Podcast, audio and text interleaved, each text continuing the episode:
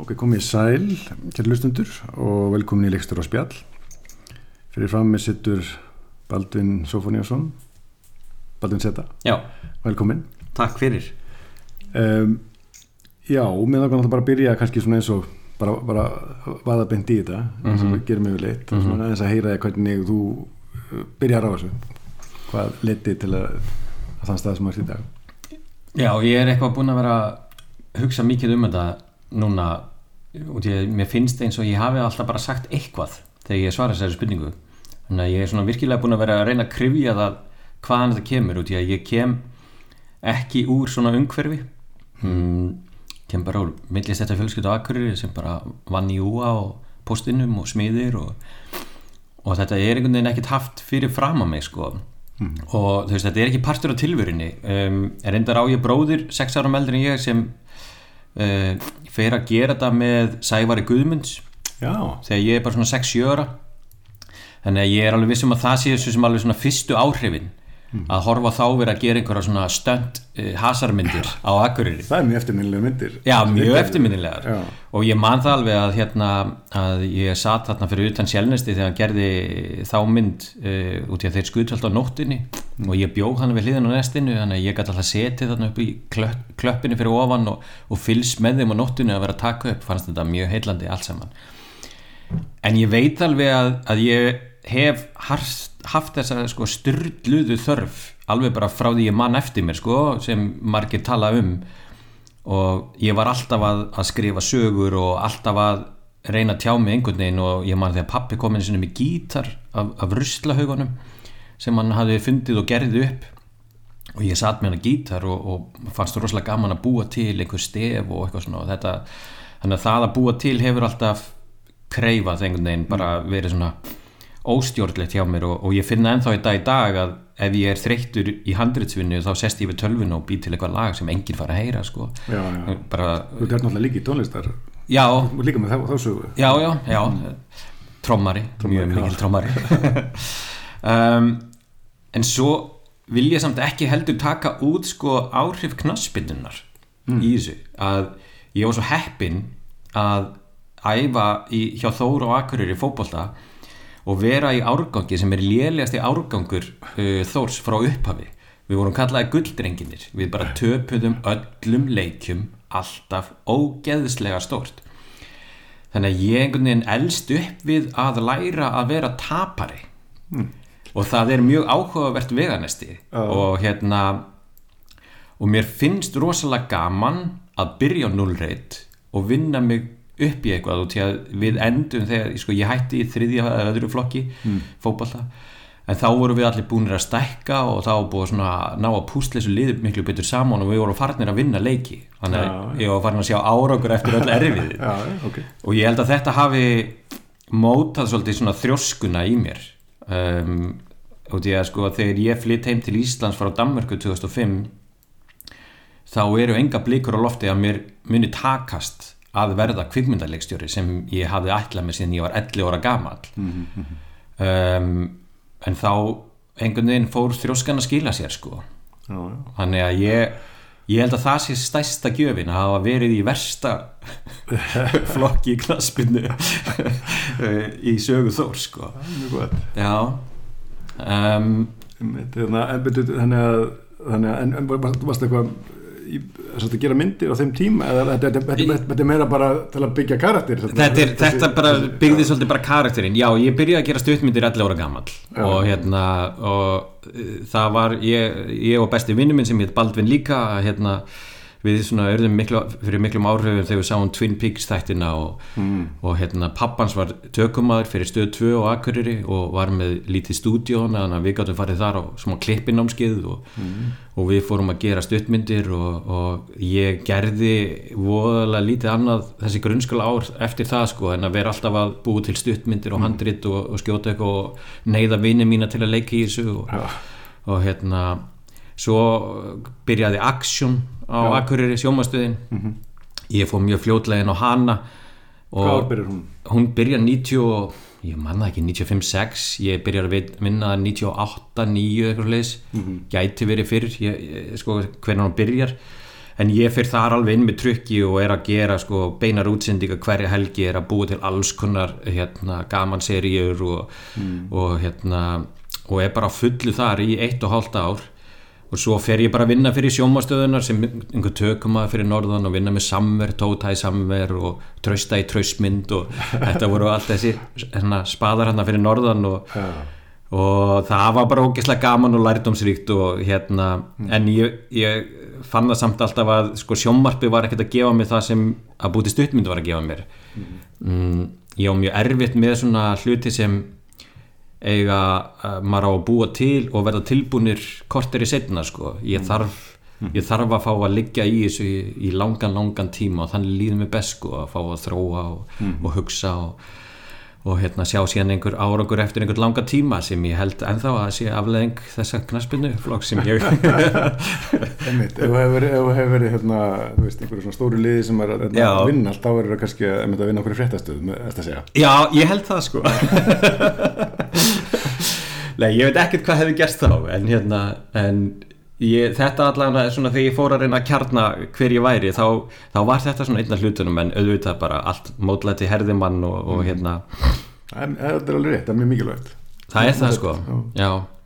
En svo náttúrulega líka partur af þessi kannski að, eh, sko mamma deyr þegar ég er 13 ára gammal og ég fyrir genið mjög svona löngu erfi veikindi með henni, hún var svolítið að horfa með mér á hérna sjónvarp um, á þessi tíma og ég var að horfa á Twin Peaks með henni sko, bara svona rétt á henni hún deyr sko. Já, já, hún er veik er- og við eigum svolítið svona góð samtöl og, og það er pínu hún sem þegar hún tók samtalið það er svona, hún veit að hún er að fara og, og f- krakki á samtalið við fóreldri sitt það sem svona línun eru lagðar fyrir framtíðina.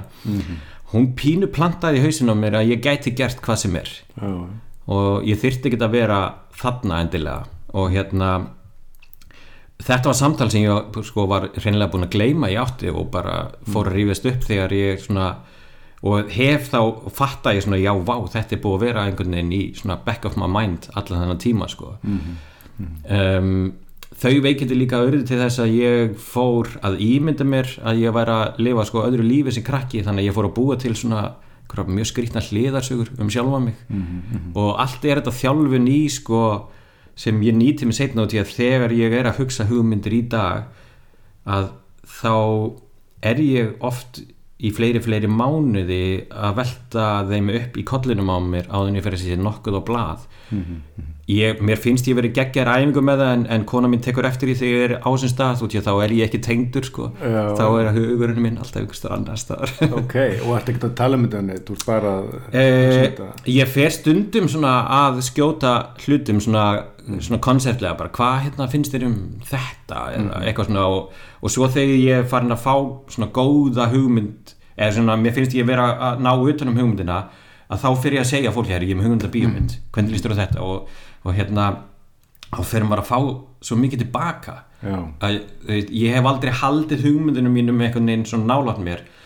Ég hef líka ekkert verið að, ganga með einhverja groundbreaking hugmyndir af sögum, ég hef bara verið að ganga með sögur sem er langa til að segja. Um, og því að sko ég er pínur hrættur við að fá geggjaða hugmynd. Já, og því að ef þú fær geggjaða hugmynd þá þarf það að gera svo geggjað handrit til að fylgja hugmyndin eftir. Þannig að ég hef svolítið verið að eldast við að bara hvaða sögur langar mig að segja. Ok, mér langar að segja sögu um svona fólk. Uh, ég ætla að halda áfram með það. Og, og þá fer ég stundum að tala um það við annað fólk og, og það fyrir að segja mér sögur og svona púslast það. Ertu þá byrjar að hugsa þessum tíma hérna, hérna meðvitað ómeitað um sko hvernig, hérna, maður að segja hvernig execution á því að vera? Það er að segja, ja, veist, þá er ég að tala líka bara bæði tón, veist, er þetta svona myndin ekki svona, veist, ertu, ertu komið veist, Já. er þetta samofið? Þetta er pínu samofið og því að sko, það sem ég gerir líka er að ég nýti með tónlist mjög mikið og hérna og þegar ég fer að, að ef ég tek bara vonastræti sem dæmi að hérna ég var svo lengi að berjast við að reyna að koma þeirri hugmynd saman bara mörg mörg ár en svo er það eitthvað svona það er bæði náttúrulega þegar ég hitti Bygga og hann fyrir einhvern veginn að púsla þessu saman með mér að hérna að þá fer ég alltaf að segja svona, já, herðu, hérna, hlusta á þetta lag. Þetta er svolítið tilfinningin sem ég langar að skapa í myndinni. Já, já, tilfinning sem lægi gefur þér það er tilfinningin sem ég langar að gefa í myndinni. Já. ég veit ekki hvernig ég ætla að ná þessu tón eða þessari tilfinningu en, en þángað viljum við fara sko. já, já, og, og ég, þú veist, á mér lög við hverja mynd sko, sem ég get sagt já, órói, það er hérna Skinny Love með Bon Iver. Og þú veist, þegar ég heyrði það lag þá hugsaði ég bara, já, þetta er tilfinningin í Já, já. óróa sko. já, bara, Og, já, þannig að, og, svo tilfinning gefur eitthvað til kynna með líka sjánra og svo framvegis eða það er að Heldur betur, já. hún gerir það sko. Um, og ég hef aðeins gert þetta. Já, en, en hérna og einmitt, ég var með eins og vinni verkefni sko sem að var svona einhvers konar komið veits eða úlingamynd sko. Þá var ég þá var ég bara komið alveg stekkan playlista áður en nokkuð vegi búið að gerast sko já, ég, sko, ég er farin að gera það í dag. Já, já, Sko, bara fyrir svörtusanda þá bara bjó ég til massívan playlista aha, og hver einasti aðeins sem gekk um borð í, í hérna creative deildina fekk þannig að senda. Já, hann já, bara herru hérna, lestu handritinn, þetta er playlistinn og bara let's do this. Já, já, þetta var mút þetta er bara mútið já, já, já, einmitt. Það var bara Trent Reznor Já, ok, skynja hvað við þar kannski. já, já. En ok, en með mitt, eh, sko, við erum fyrst að tala um vonastætti, bara höldum okkur aðeins þar. já, Hérna, út af því að mitt, eh, sko, mér finnst þetta áhugavert út af því að þú ferð að vinna um byggja sem hefði ekkert verið að skrifa. nei, Hann er, maður kemur náttúrulega bara tónlistar heiminum absolutt. Og ekkert verið að einu svona dæra við þetta, ekki, ekki rétt? Nei, veist, hann hafði, hann hafði sér skrifað uh, eina bók sem hefur ekki komið út fyrir þennan tíma. Já, einmitt, einmitt, mér finnst að heyrt þetta reyndar. Mhm. En hérna uh, og hvernig eiginlega veist, uh, menna, þið hittist þarna, ekki, og, og, og bara Hann- tengi sem personur fyrst og fremst. Já, hann, sérst, hann byrjar með æsku vinkonu minni og þannig kynnust við. Já, já, já. og hérna og svo var hann bara að segja við mig uh, við erum að spila held ég Playstation heima hjá mér. Og hérna og hún er langið til að skrifa handrita bíómynd. Og ég átti einhverja bækur heima kastaði í hann og sagði hann um að lesa þetta og, og hérna hann lesa þetta bækur og, og uh, ég, man ekki svona hvaða bækur þetta voru hvort þetta var hérna, þetta voru einhverja handrita bækur um, en svo læti hann fá þessi uh, þessar þrjár sögur sem ég var alltaf að berjast við að reyna já, þú hefði verið að vinna í þessu sjálfur. Já, og sko sumar af þessu sögum höfðu verið uh, handrit, þú veist, sagan um Móra var búin að vera handrit að bíómynd. Já, eins sér. Ein, ein og sér sko, vel lengi sko. Um, og hann breytir einnig sögunni algjörlega bankasögunni. Uh, uh, hérna, þetta var lauruglumadur hjá mér sko. Og einhvern veginn allt er svo kemur með þetta og þá bara hrunið hafði gest hann in between og eitthvað.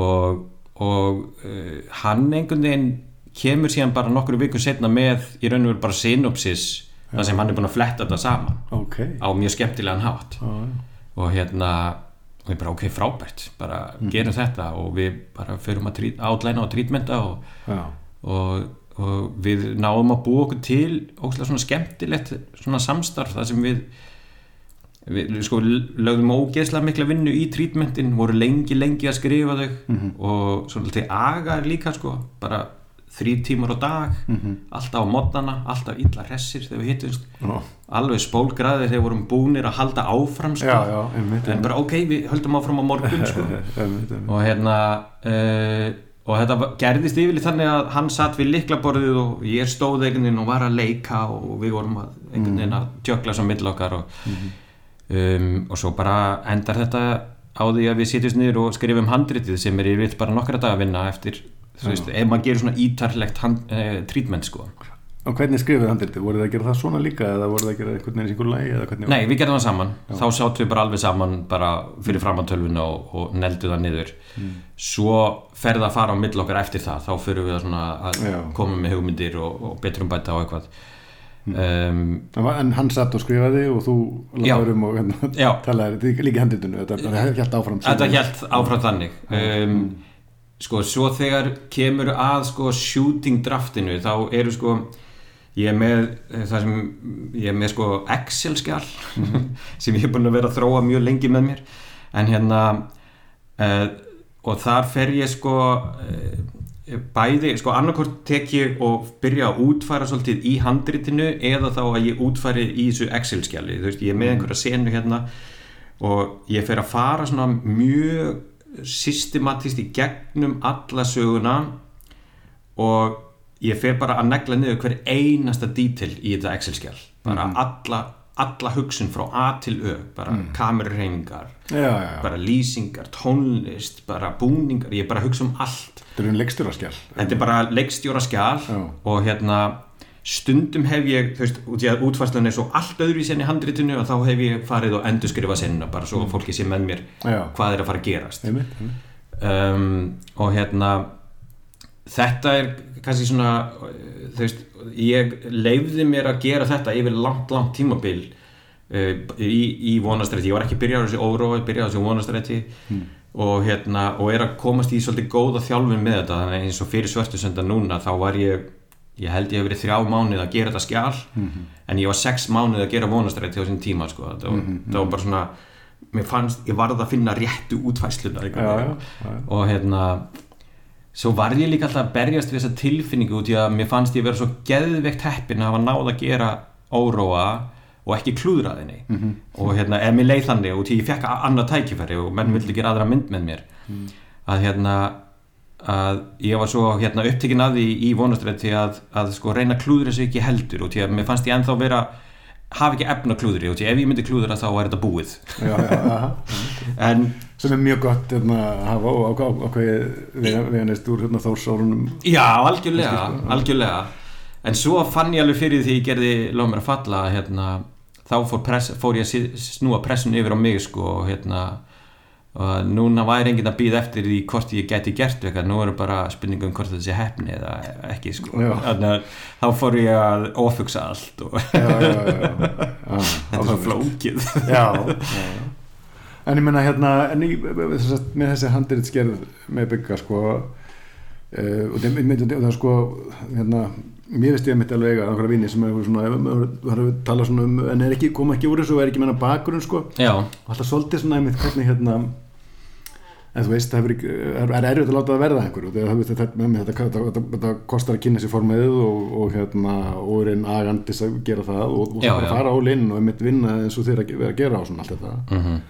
Þannig að mér finnst það áhugavert sko einhvern veginn. Hann, hann hefur bara verið líka það hungraðar í þetta og verið náttúrulega algjörlega. Hann var að gera þessa bók og var kannski mitt að svona var skrifa skrifandi náangi þegar hann kemur að þessu kannski sko bara 100% og því að við, við byrjum að skrifa sko lómur að falla bara ári eftir við klárum handritið af vonastrætti og ég er ekki búin að skjóta vonastrætti sko. já, já, aha. þá bara byrjum við á næsta handriti og hérna uh, það var kannski lengri og erfiðri bara að, að koma því saman og því að það náttúrulega var svona grunn hugmynd sem við fengum saman og, og hérna um, þannig að já, og vorum eiginlega bara uh, harð ákveðnir í að, að við, uh, sko, við eigum eftir að gera þriðumyndina sko. mm. en, en út í ég fór núna að gera handrit með öðrum handritsöndum og hann fór að gera handrit sjálfur Já, og hérna Ég ætlum að spyrja því næst sko hvað, hvort hann hefur með öðrum og hvort að þið verið Já, bara, eh, sko, hann hefur alveg gælt við það, hann reyndar fer síðan í nám og, og er núna orðin klínisku sjálf, sálfræðingur, sko, in between. Einmitt, ok. En það gerir bara hlutinu ennþá er þetta. Og hann var mjög gladur, hann var einhvern tíman í hérna, tíma í sálfræði í háskólanum að, að þá var e, vonastrætti tekið sem eitthvað dæmi eitthvað út, út frá sálfræðinni, sko, hérna og kennan hafði ekki hugmyndum að, að hérna, einna nefndunum hans hefði verið handritsöfundur Já. af myndinni, það hringdi mig voða kátur, bara, "Það er- við fengum mjög gott lof hann frá sálfræðinu Ok. Já. En hérna, já um, förum aftur spónast tilbaka. Já, já, Þarna, þannig að þú ert hérna búin að gera stuttmyndir og, og vinna fyrir hérna, einn, og, og annan hérna, fyrir norðan og svona. Já Um, þá tekur bara við nokkur ára tímabil, svona þryggjára tímabil. Það er reyndar alveg að gera sama tíma þar sem ég uh, fer í hljómsýtina og hérna og, og við settum sama grúpu og vorum uh, allir harð ákveðnir í að meika það sko. Þetta, þetta var ekkert, við vorum ekkert að reyna að vera hóvari með það, við bara settum sama grúpu og við vildum bara fucking meika það út í að hérna bara nettum ekki að vera vinna einhverja 8-5 vinnu sko. Ah, ok. Uh, og ég hætti bara í framhaldsskólanum og bara pappi geðveikt ánæði með mig. Um, en ég sagði alltaf við strákana að, að þetta er því samt bara tímumbil hjá mér sko því að, að bíó væri það sem ég langaði til að gera. Ok, um, en við gerum þetta og gerum þetta með, alveg með trompi þannig og, og förum hana nokkur ár í þessa tónlist og, og þar kemur annar svona, eh, svona vendipunktur í lífinu mínu þar sem ég lærði rosalega mikið um manneskjuna og það sem hefur mótað mig svolítið vel er að hérna það er mjög áhugavert að vera í miðri hringiðu einhvers þar sem þú virkilega trúar í, trúar í að þetta sé að fara að gerast þú veist, meikið er handa við hotnið sko. Já. og við spilum á Airwave sinna 99 og okkur er bóðið út á okkur eitthvað gig út í hérna, New York spila á CBGB's þar sem bara allir útgefundur Amerika eru bara mættir. Þetta er bara svona útgefanda kvöld fimm böndana Já, og hérna uh, og við klúðrum því. Bara royally. Hve- hvernig þá? bara, við vorum bara Giggið búin að- sjálft? já, bara giggið var umulegt við vorum búin að vera henni nýju daga í bóði þessara fyrirtækja og þetta var náttúrulega bara mest að jamsök drasl 90s kjaftaði sem ég hef nokkuð tíma tekið þátt í. Rock'n'roll. Rock'n'roll. Og er sennilega megin fórsendan fyrir því að í öllum þrejum bíómyndunum mínum hefur alltaf einhver farið til útlanda og allt farið til helvítis. Það er algjörlega ómeðvitað. Ég fatt það ekki fyrir en eftir á bara já, herri, ég ger þetta alltaf. Sama og ég gerði í lífinu. En hérna og það var svo gaman að sjá sko eftir á hvað öllum var drullu sama um hann. Þetta var mjög svekkjandi á með þessu stóð. Bara að byrja, ha, eru bara allir farnir? Allir sem voru að tala við okkur og fannst við að vera fínustu Aha.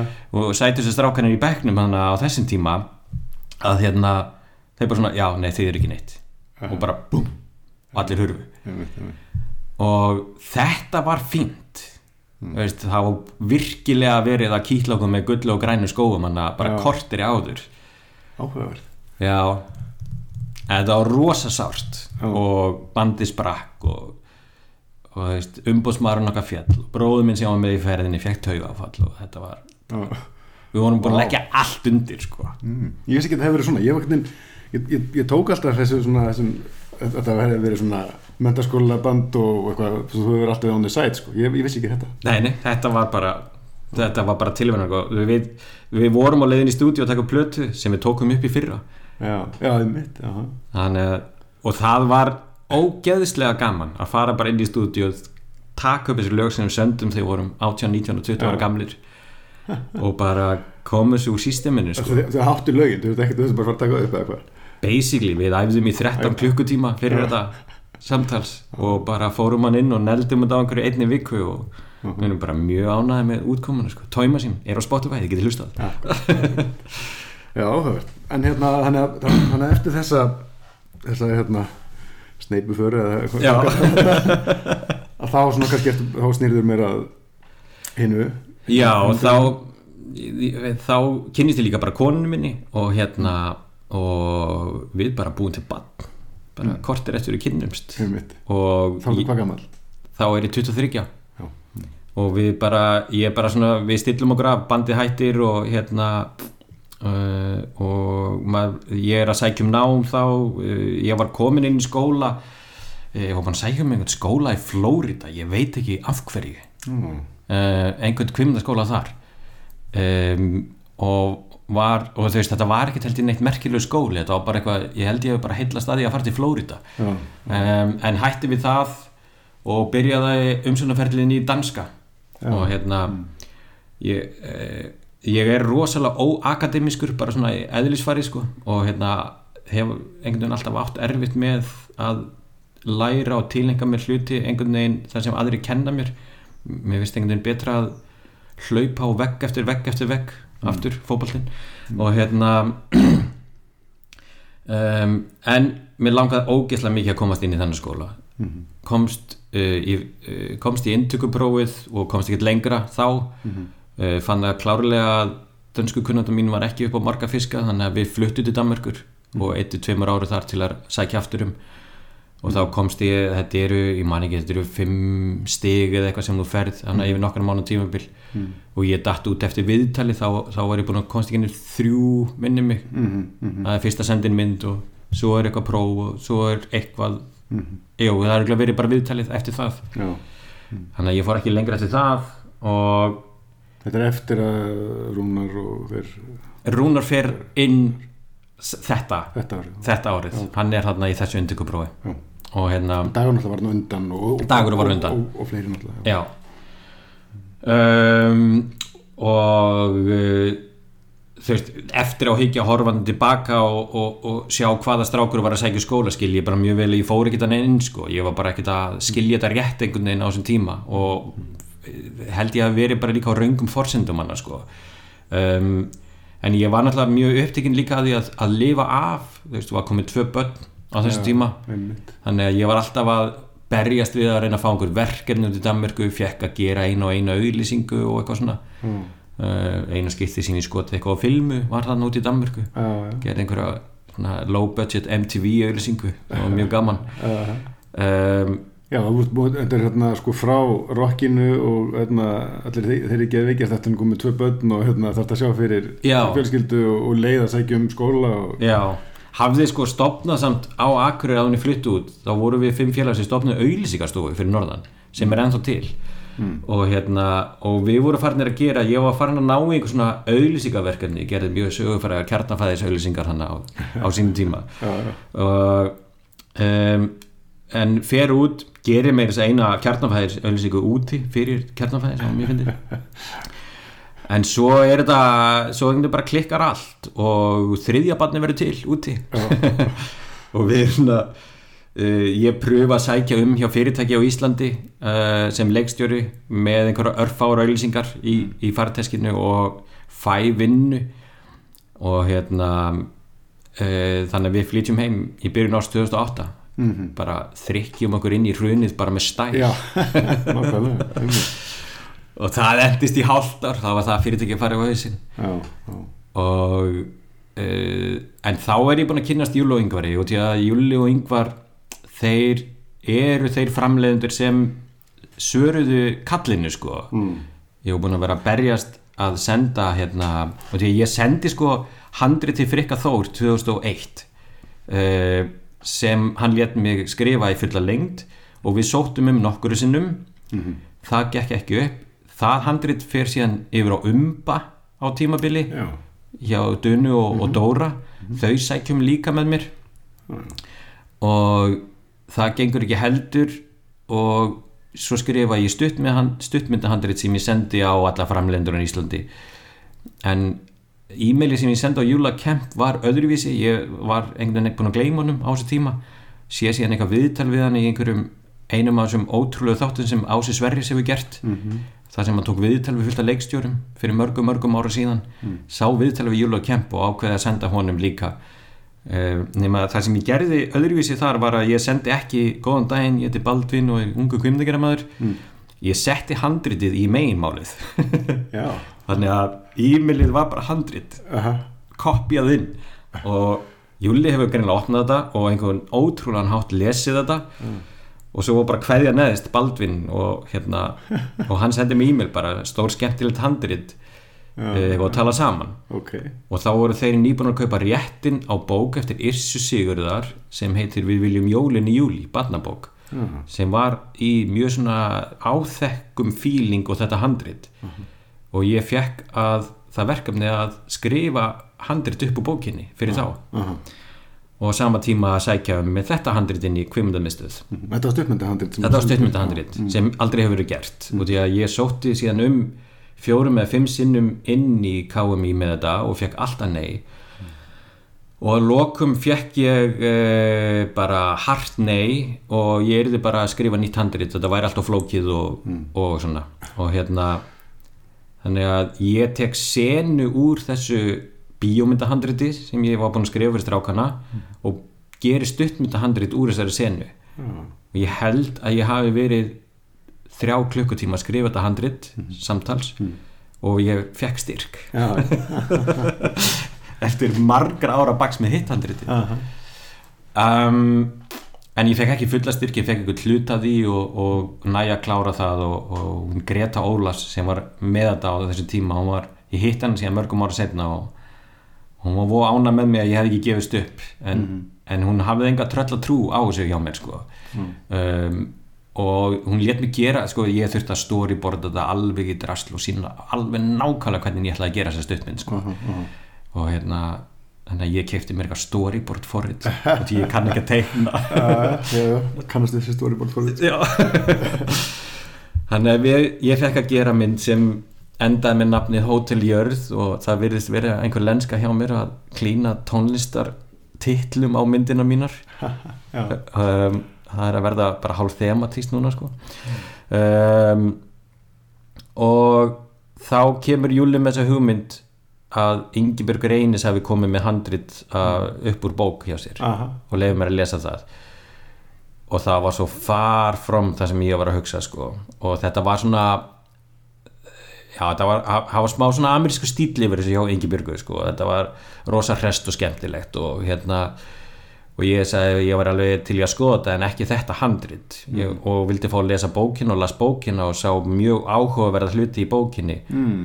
og þá bentur mér á að hann voru bara að skrifa bók 2 og ég las hana líka -hmm. og þá kom eiginlega þessi þráður fyrir óru og, ég og Ingibjörg fengum svona að skrifa þetta saman. Hún skrifa þetta alveg en, en ég bjóð til svona átlæn upp úr bókinni bara. Hér er sagan. Og hún var alveg og Ingiberg var svo frábær og til að ég vildi drepa eitt karakter sem dó ekkert í bókunum og eitthvað svona. Og hérna hún var til í þetta allt og, og, og við endum að gera óru og ég ég held að castingið í óru hafi verið síðan bara líkillin að öllu hjá mér og til að ég næja að setja saman hóp sem gjörsamlega hjálpaði mér að fara rétt átt með þessa mynd. Þau voru svo ógeðslega klár og cool á því þessi krakkar og hlóður svo mikið af dialógnum í handritinu sko, sem var ridiculous að köflum sko, og ég, eitthvað svona akurist langur sko, 90s langur sem bara en hérna og já, ég voru þú veist, þetta er svona þetta er kannski myndin sem er, er svona þykir ennþá vænst um bara út af því að hún startaði öllu fyrir fyrsta mér, mynd sko. ég meina- fyrsta myndin já, sko. já. þetta er þetta stóra máli meina, þetta er náttúrulega eitthvað sem að sko mjög eiginlega alltaf áhugaverðast ég tala við aðra leikstura er að spurja mitt um tilur fyrstu myndarinn og Já, og hvernig þetta það er svo mikið parata og mikið rögl en einhvern veginn líka svo mikið passion sko algjörlega og sko Júli og Yngvar er svo sko, þeir eru svo mikil teamplayerar með mér hana sko Mhm. um, þeir, við vorum búin að fá nei til dæmis fyrir þessu, þetta var hana þegar sjóðurinn er að hrinja og, Mhm. og, uh, og Ísland er að hrinja og allt er að hrinja og hérna og Yngvar dregum mig á fund með KMI og, og við náum að snúa við neginu já á einhvern ótrúlegan hátt. Mhm, um, og því að ég eh, sko, reyndar var KMI alltaf voðalega hrifið af Hotel Jörð stuttmyndinni sem var bara lítil 6 mínúnda stuttmynd sko. um, en þannig að þetta, veginn, þetta bara rétt svo gerist allt saman. Já, þetta er, þetta er þegar hérna, þetta er sem sagt uh, ári eftir hrun eða eitthvað svo leiðis já, þá allt inni hittir það á KMI að það verið hrun og þetta er náttúrulega það voru hlutir í gangi. Mhm. Og ég, manna, hérna, ég lendi í þessu hérna, með svartur og leik. Við vorum með komið, og fu- og fullt af myndum voru, voru komið með þessast vilirði og, og við vorum komið með tölvöfstanna fjölmanga ekki alveg allt kannski en svona en mjög mikið að því. Mhm. Og svo bara hérna og bara, þannig að þú veist sko, þú er veru verið síðasta mynd fyrir sko þetta eila blackout sem verður hérna, Já. eftir þetta það var engin mynd gerð hérna í eitt ár, eitt og allt ár eitthvað ég veit það og, og ég er svo eða fyrsta mynd út úr því sko. Mhm. hérna, hann að þú náður hérna, fyrir það eftir það sko. hérna, hann er rosa áhugavert þetta díðanbíl og það er hann alltaf er á rosa á þetta álga og vesin í þjóðfélaginu og allt það en um lefnum að kveimlingar var algjörlega bara veist, það er ekki til peningar í, hérna, í kveimlingarmistu og, sko, og ég fann alveg fyrir því að, að það var skrítið að ég fengi þennan styrk sko sín tíma að hérna, og því það var náttúrulega margir sem veist, who the hell? Og því að ég, sko Valdís fekk líka hann styrk á þessu tíma. Mm -hmm. vissi, vissi, hann vissi allir hver Valdís var. Já, og, já, og ég, sko, og ég setti þá pressu alveg yfir á mig bara fuck, ég, ég verð virkilega að standa mig núna sko, þetta Já. er maður fann alveg fyrir ábyrðin einhvern veginn á því að fá svona mikla peninga til að búið til bíómynd já, já. um, en það vantarlega spilar inn í að sko að þið þú veist, með því að fá þennan pening þarna voru þeir í Nóri Gó gáttu farið í Já. framleysluna og þegar KM vildi náttúrulega bara að hafa myndir sem gáttu farið í framleyslu Absolutt. það var líka bara erfitt að skapa peninga erlendis tíma og þetta var þungt umhverfi þetta var það þessi áhrifna já, já, ég, við förum bara í tökur bara einhverju 2-3 mánuðum setna sko. Já, já, það að hefur skipt sköpum báttið alveg klálega sko. En hérna og, og einmitt og tala um kasti sko, það er alveg rétt. Það er alveg stendur upp úr. En ég hugsa um tilbaka á þessa, til þessa myndar sko. Og þetta er að svona mynd getur auðveldlega feilað einhvern veginn þau eru ekki alveg að kaup þetta, veist, ef það er einhvern veginn ekki alveg rétt sko. Mhm.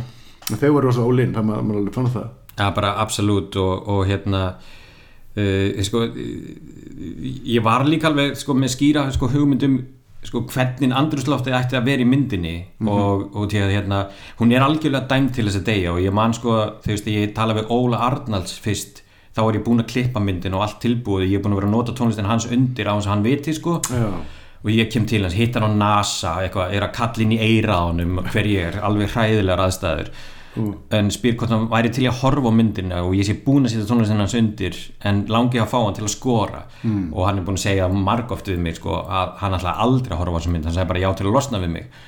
Um, svo kem ég með myndina til hans og hörði sko bara please horfðu. Og, hérna, og hann ringdi í mig tveim til setna og bara ég var ekki að búist til þessu. Þetta var þú veist, íslensk úlingamynd bara Einmitt, aldrei í lífinu. Já, og hún bara svín virkar og svo fórum við þegar við fórum að skrína myndina meira og þegar Sambíón horfði á hana og við fengum gaggrindur koma til að kíkja á hana líka og eitthvað Mhm. og það var alltaf sama bara hörðu, nei anskoti, íslensk úlingamynd sem virkar Mhm. já, já. og það var ógeðslega góð tilfinning þegar maður svona, já ok þetta kannski verður bara allt í lagi Mhm. um, já, úlingamyndir við höfðum mér en ekki hérna við mér en ekki gert sko mikið úlingamyndum á Íslandi. Við höfum gert svona ungt fólkmyndir náttúrulega Já, já. í 90s og komin all, nokkrar sko en Já, það var meira svona yfir tvítugt algjörlega. kultúrin sko. Já, og við, við höfðum einhver tendens að sko bera ekki nóg mikla virðingu fyrir úlingsárunum þegar við vorum með úlinga í myndum oft. Þannig að hérna oft ekki trýtaðar eins og manneskjur og, og svo bara þetta sko já, uh, þar sem ég sagði alltaf við krakkana veist, þið vitið ekki núna en þið vitið að þið jakkamall og ég sko að ástæðan fyrir drama í lífinu þegar maður er úlingur er að allt er endanlegt. Já, þannig að þú veist ef, að, ef þú færði ljóta hárgreislu eftir klippingu Já. þá er það bara endurinn já. Þú verður bara ljótur það sem eftir er. Það er allt svo stórt. Og hérna tengdu þau við það, skildu þau það? Já, já, sumir gerðu það alveg sko. Og því að þeir voru nokkur en aðeins eldri en, en Alli Óskar og Elias og Haraldur voru allir bara kringu 16 ára. En þetta, er bara svo super klári krakkar. Já, allir hafa náttúrulega verið í hérna Já, hann var- og, Að ég er náttúrulega staðar hann algjörlega frá rúnari og að ég sá hann bara í smáfuglum en strák og bara já, bara stórkostlegur. Og hérna, þannig að ég hann var einn sem kom ekki í casting allt hitt kom í gennum casting sko. já, já.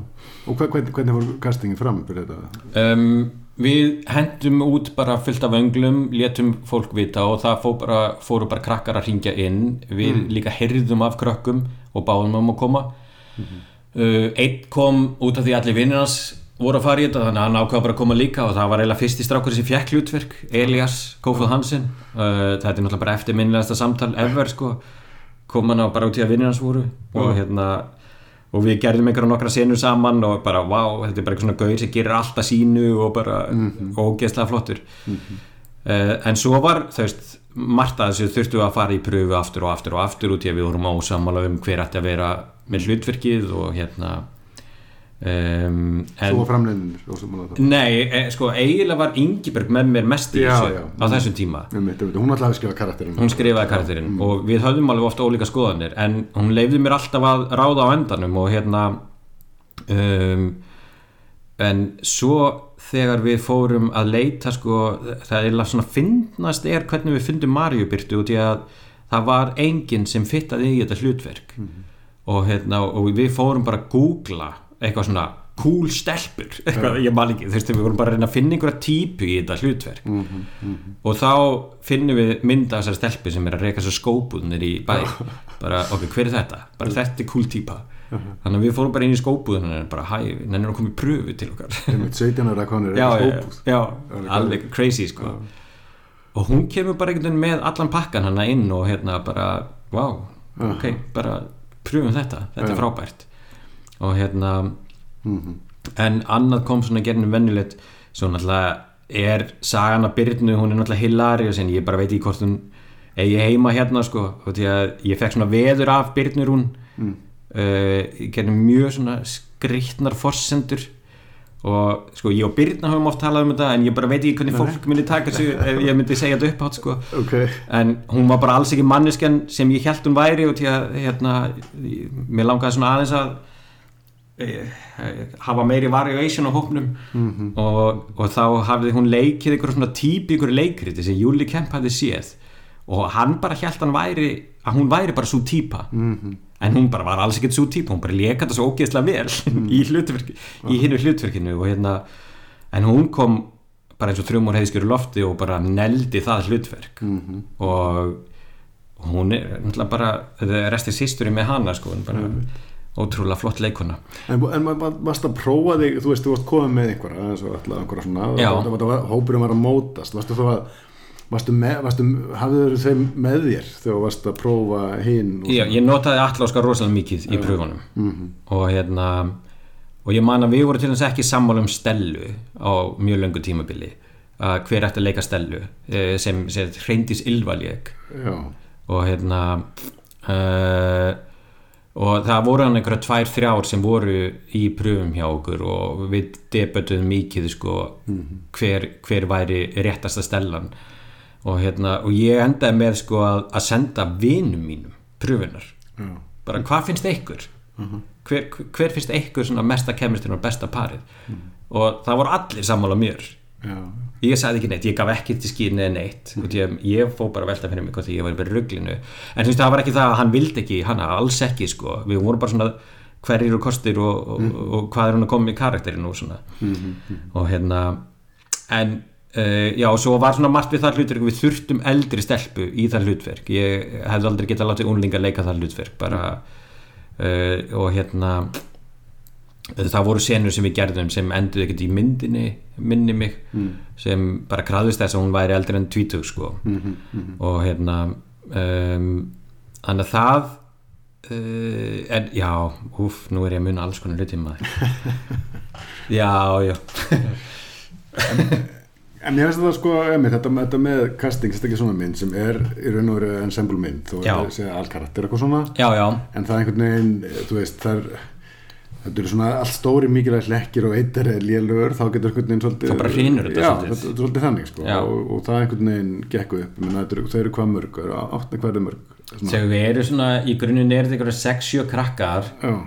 Mitt, og, og svo eitthvað svona aðeins minni í kring. Já, svo já. minni í kring. En, en mm. það sem er skemmtilegt við þessa krakka er að þau hafa öll karýr sem kvimundaleikarar í dag. Já, uh, þó að Marja Birta jú, hún er í Vegas að leika.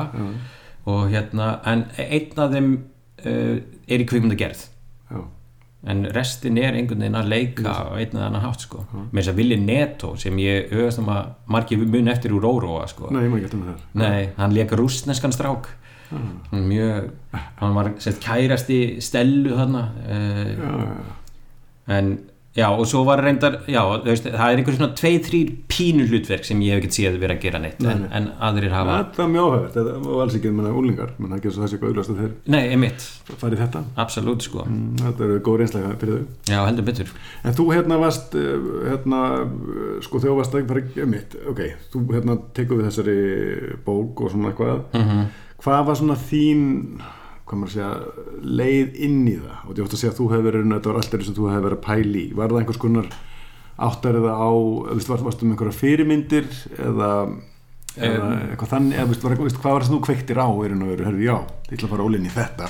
Já, og gera sko, þetta fyrstu myndinu minni. Já, ég held að ég hafi bara svolítið kveikt á stráknum sem var ekki alveg sjör með sitt eigi identity og því að ég svona gekk pínu sjálfur í gerðinu það á einhverju tímapunkti sko. Mm. og hérna mm -hmm. þannig að ég tengdi rosalega vel við það og fór bara að þræða þá sögu mm -hmm. uh, og það að vera krúttið í vinahópnum sko í stelpuhópnum og, og vera aldrei kærastinn ég þekki það mjög vel að ég skinni líka já, já, já, okay. og hérna að, að það er liðin já það er svolítið veist, og því að sko ég held að sé í öllum verkunum hjá manni að þú veist, maður finnur alltaf eitthvað svona úr eigin lífi til að keira á sko, og hérna um, svo uh, þú veist, út af því að mér langaði að gera dramamynd til að byrja með, þú veist, hann, hann mátti alveg vera húmor í því, þú veist, ég er ekki húmorslega sko, og hérna en ég gæti ekki farið eh, sko, ég man eftir byrjunum og óróa er fyrsta handrið sem ég las eftir Ingibjörgu það sem eh, Alli Óskar, eh, aðalkarakterin Gabriel á að vera með voiceover það sem hann er að tala um hann er fættur annan janúar sama dag og Jón Gnar og það er ekki myndin sem ég langaði til að gera sko. og, hérna, og hann myndi eftir fæðingunni sinni og svona, ég bara nei, nei, nei, ég er ekki að fara þangað sko. nei, nei, nei. uh, Identity Crisis hjá Óling, bara já Já, það er það sem ég vil segja sko. Já, já, um, og það er, það er svo fyndið að ég hitti einu sinni hóp eldri borgara sem fór saman á myndina. Og það- eða þetta var eitthvað kór eða eitthvað, það var all 70 plus sko. Uh, eða 60 plus og ég hitti þau eftir sýninguna og bara hvernig fannst ykkur? Og þau skemmti þessu konunglega og sögðu bara við höfum öll verið hana þetta er bara spurning hvort það sé Facebook eða ekki sko. Já, já. þetta er alltaf sama. Einmitt, einmitt, einmitt. þannig að það er rosalega auðvelt að relata til úlninga ef það er gert uh, sko, rétt eða, Ef það er satt. já, ef það er satt.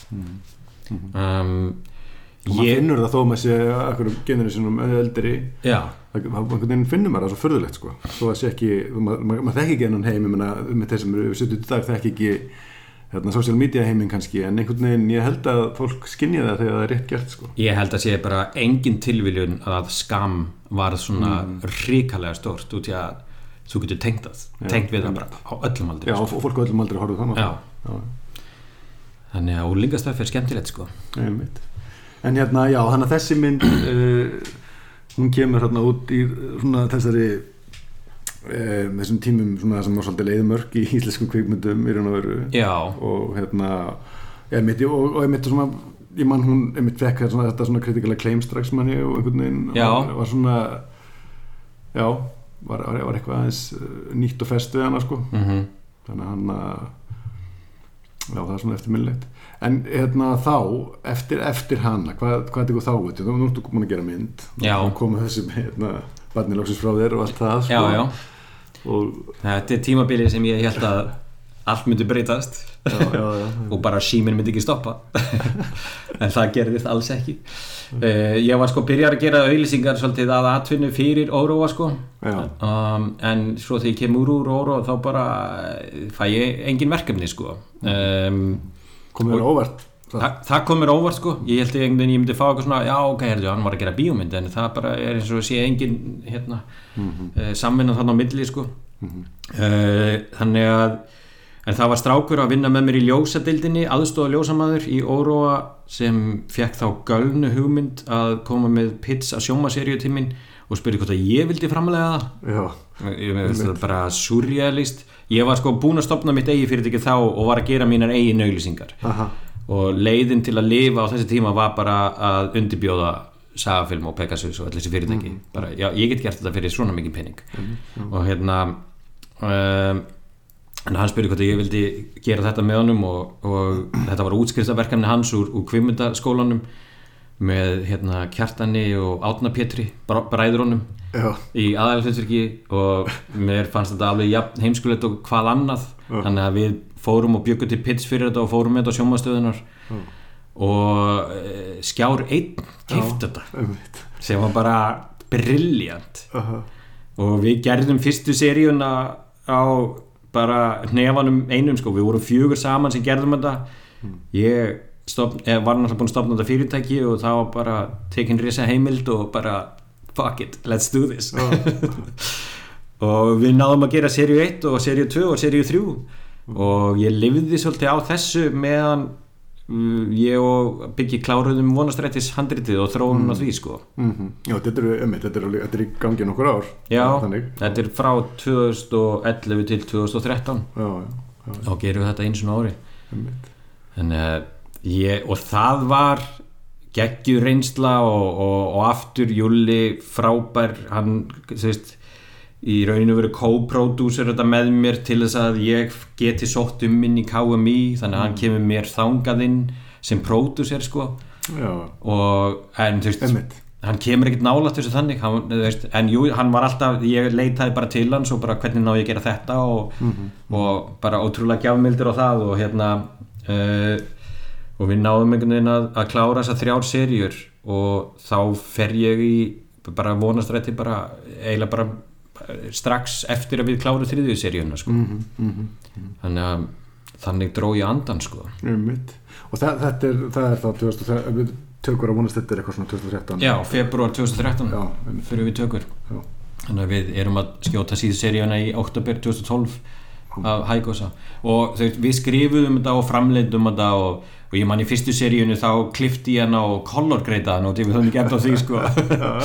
Þannig að þetta er skóli þetta var skólimaður og allir sem unnu í Hækosa voru, það voru allir á bara eh, svona helmingslaunum alla seríunar og hérna, en það voru alltaf allir til í að vera með. Voru líka alltaf á Akureyri nafla alheimsins. Og hérna og þetta var bara, þetta var bara skemmtilegu tími. Um, Já, alltaf svona, svona þessi orka sem er kannski sem er bara þú ert á þessum stað einhvern veginn. Já, í, í ferlinu verður öðru, þá Já. er þessi orka og þessum aldrei kannski eitthvað svona algjörlega vera bara með endalösa kreatífa orku og, og hérna. það, þetta var æðislega tímabil. Um, og seríunar sko önnur seríu varð svo vinsalasta bara á skjá einum bara, bara í töluverðan tíma sko. Og hérna og þess vegna fengu að gera seríu þrjú. Skjá reitt skipt um eigendur hann á tímabili sko. Og það átti ekki að gera seríu þrjú þegar nýju eigendurinn kom inn ætlaðu bara að klára sína seríu tvö. Og hérna, en svo var hún svo vinsæl að við fengum season 3 Já, já. Þannig að, já, þetta var rókslega gaman. Gott koncept og svona mitt út út af það er líka ódýrt og eitthvað það er verið að segja nýfið já, en, hérna, en svo, svo gerir vonast þetta og þá, þá, hún var kannski hún kannski gerði það fyrir þig sem að þú held að Óróf myndi gera. Já, já. basically. Einmitt, einmitt. þá allt í þá, hringdi síminn. þá hringdi síminn loksins. Einmitt. Þannig að það, já hún var svo mikil hittari líka. Hún var rosalega mikið hittar það kom mér svo ógeðislega mikið óvart sko. Uh, og því ég sko þú veist fram, eh, sko, bíóin og framleiðendunir uh, fóru ekki að sína sem mynd haldandi það að þetta myndi hitta eitthvað í bíó. Þetta er bara svona, hún er löng um, og hérna drama og drama og bara og þú veist, var ég, þú veist, þessi hérna þryggja mín ljóða senna sem var að gera alla brjálaða sko. Og ég bara, nei, ég tek hann ekki út hún verður inni, hún verður inni, alveg saman hvað ég segið og hérna uh, bara þetta áttur að drepa þetta og bla bla bla og, en hún fór svona löng í bíó og bara ég veit ekki, fólk bara þyrptist á hana sko. En ég er með sko þarna þarna vil ég samt líka pínu sitja inn uh, það er það er alls konar heppni sem ég hef með mér hana. Um, hún kemur á einhverju tíma þar sem við erum í einhverju við erum að hefja svona alvöru uppgjör á hruninu á þessu tíma. Og það er einhver svona stemning í þjóðfélaginu. Um, og því að sko hún er kynnt miklu meira sem einhver svona hrunmynd. Já, heldur Og- kannski er. En heldur hún er, klárlega. Um, en svo fengum við fullt af uh, sko svona kannski veist, ég, mér finnst að marka sýta myndir, mér finnst það líka alveg skemmtileg pæling og því að manni langar að fá fólk til að sjá myndina sínar. Og hérna og það var eitt sem við gerðum að það var náttúrulega, sko, bíón og að- það var allir rosalega ánæg með myndina, bara hún er æði. Bara veit ég hvort að fólk er eftir að koma og sjá hana og eitthvað. Og við tókum þá þann séns að taka þessa forsýningu sem við erum alltaf með. Tíu dögum áður en við frumsýndum. Og vorum að vonast til að bara að gaggrindum myndu dæla út bara endalösu lofi þessa daga fram að hérna frumsýningu. Um, og svo gerði ég eitt þetta kvöld sem ég held að hafi gert ógeðslega mikið. Að ég steig þarna á svið á forsýningunni og ég fekk þessa hugmynd bara með sjálfu mér og var svo fyrsti sem gerði þetta. Að það var að standa upp á sviði og ég sagði við alla þessa þúsund sem kom á, á þessa forsýningu í háskóla bíó ég ætla að taka selfie af mér. Ég ætla að byggja einhver um að taka mynd af mér á sama tíma. Aha. og, og svo baði ég alla um að posta á Facebook í kvöld. Og hérna og ég maður að ég vaknaði morgun eftir þá var ég taggaður 400 sinnum á myndir og allir í kringum mig muna bara eftir því að hafa opna Facebooki þennan morgun Já. og bara skrollað endalaust og bara vonastrætti var allstaðar þetta var hjút þetta var huge. Og hérna þannig að það var eitthvað svona það kom word of mouth mjög snemma. Svo er og allir fáta veggir þetta er svo Ég veit það. 400 manns Þetta um allt. já, þetta er ekki bara eitthvað svona þetta er svo mikið er ekko chamber sko þetta fetta fyrir út fyrir hann já, svo er svona umræðan einhvern veginn, já við fengum hann einhverja gaggrinni sem var bara þetta var allt mjög gott og hérna svo er það Hallgrim Helgason mm. hann kemur með blogg tveimur dögum síðan fyrir frumsýningu Mm. og þetta var risastórt lof um myndina um, sem endaði á en hver er þessi Baldvin Seta já, það sem Hallgrim vissi ekki að við vorum búin að sækja sama kaffhúsið á hverjum einasta mótni í hálft ár og ég stóð alltaf inn á kaffi hérna, uh, hérna neyri á skólaverustík náðum mér alltaf í bolla þar á mótnana og þar voru, það var eliten en ég var aldrei eitthvað að kynna með hana. En hérna og út frá þessu lofi þá bara sprakk allt aftur Já. og bara allar útastöðunum bara ringi í mig bara hver ertu? Og, hérna, og hún fær aftur eitthvað svona rosalega hérna, mikla umfjöllun og þannig að við byrjum bara á einhverju nýju tíus manna helgi, fyrstu helginni sem var bara mindblowing. og hún held sér svo lengi sko, til að byrja með. Og hérna þannig að þetta var þetta var æðislegt og það er mjög gaman að veist, mér finnst það mjög gaman að eiga tvær myndir inn á þessum topp 10 íslensku lista yfir vinsaldir verandi samt frumverk. Mm, mm, mm. og já, hérna og líka sko þessi myndi drama sko, eða sko já, sko mér hérna þú veit, veit, veist, mér, mér, mér finnst þessi mynd hún er alltaf svona hérna hún var horrið í myndir sem hefur verið vinsælar og það er mjög oft sko hefur fólk geta sagt já þessi mynd þú veist það er 20 manns eða eitthvað svona já, já, já, og oft er það nokkuð nálætt í þú veist mm og hérna ég vilt undir í sko. Já, þetta er svona kannski þú veist þegar það fólk er svona að gíska en og, þessi mynd var alltaf bara eitthvað svona freak. Já, og mér stendar þú ert búin að koma svona, þetta allavega ágætis ástæður fyrir því að jú, jú, hún fór yfir eitthvað, hún fór, fór yfir það sem maður kannski var búist við, en sama. Þannig að ég man, man, man, man, að í þessu bæði mig upp tíman hann opmar mhm. og eitthvað svona, allar þessar pælingar þá, þú veist, hún fittar ekkert inn. Hún, hún, hún, hún á ekki að hafa geng, gengið svona vel, sko. Nei, mér finnst til að að falla, sko allt annað mál. Og, og hérna, og af allskins ástæðum sko, meðan hans út af þessari mynd sko, Já, já, já. mynd frá hér og mm. með, með þessa krakka og hún var líka bara veist, hún var, hún var líka bara sem byrjaði að pjera hann og lengur áður, það var svona margt og bíóin öllu, þannig að þú veist, það kom mér ekki óvart og hún gengi vel. Nei, einmitt. Þessi þetta er alltaf eitthvað svona, þetta, þetta frík hérna, accident, sko, þetta sem að maður algjörlega. skilja, skilja, sko, en mjög skemmtilegt. Og, og í raun veist, ger það verkum að það er einhvern veginn, það er, alltaf von. Það er alltaf von. Veist, og, það er alltaf, og, og, og það er líka svo gott að, veist, að þetta er ekki bara einhver þarna, ein formúla. Það er ekki einn formúla og, og það að sína hana að voru til mm. fyrir einhvern hausti og allt þetta sko. Já, já, hann ekki, hann ekki bara í byrjun mæ hún byrjum mæ, hann er að hún næra að keira yfir sumarið það sem er bara á að vera dauði í bíó sko. um, við hefum ekki haft sko þess að, ég meina, Erlendis eru alltaf sumarblokkbæðastir, það er Já, já, já, sko, fólk kannski er að flýja hittan og fara inn á eitthvað svona sem við höfum ekki beint. nei, Það er kannski verið norðan, já núna já allavega Núna, já. já, ég meitt brjálækjar í bíónu þar í sumar. já. hérna, en já, og þá þarna, en einmitt eftir þetta, út af því að hún er, hérna, verður svona stór og allt það, þá, hérna, breytist ímislegt. Það breytist ímislegt og, og það var líka sko uh, það breytist líka bara ímislegt erlendis og, og það, þetta, þetta byrjar sem við þekkjum allir svona managerar og alls konar lið byrjar að hringja og, og sérstaklega eftir að uh, hún vann hennar Lübeck hátíðina og á þeirri hátíð var bæði Force Majeure og myndin hans hérna uh, sænska, hvað heitir hún aftur The Pigeon Já, Erna Rauð Andersson. já, Rói Andersson Aha. myndin og hérna, og það var bara eitthvað svona það var bara disturbing að, að, hún hafi unnið þessar tvær myndir á, á þessari hátíð Já, og ég man að hann addaði mér á Instagram hann hérna eh, sem gerði Force Majeure eftir þetta.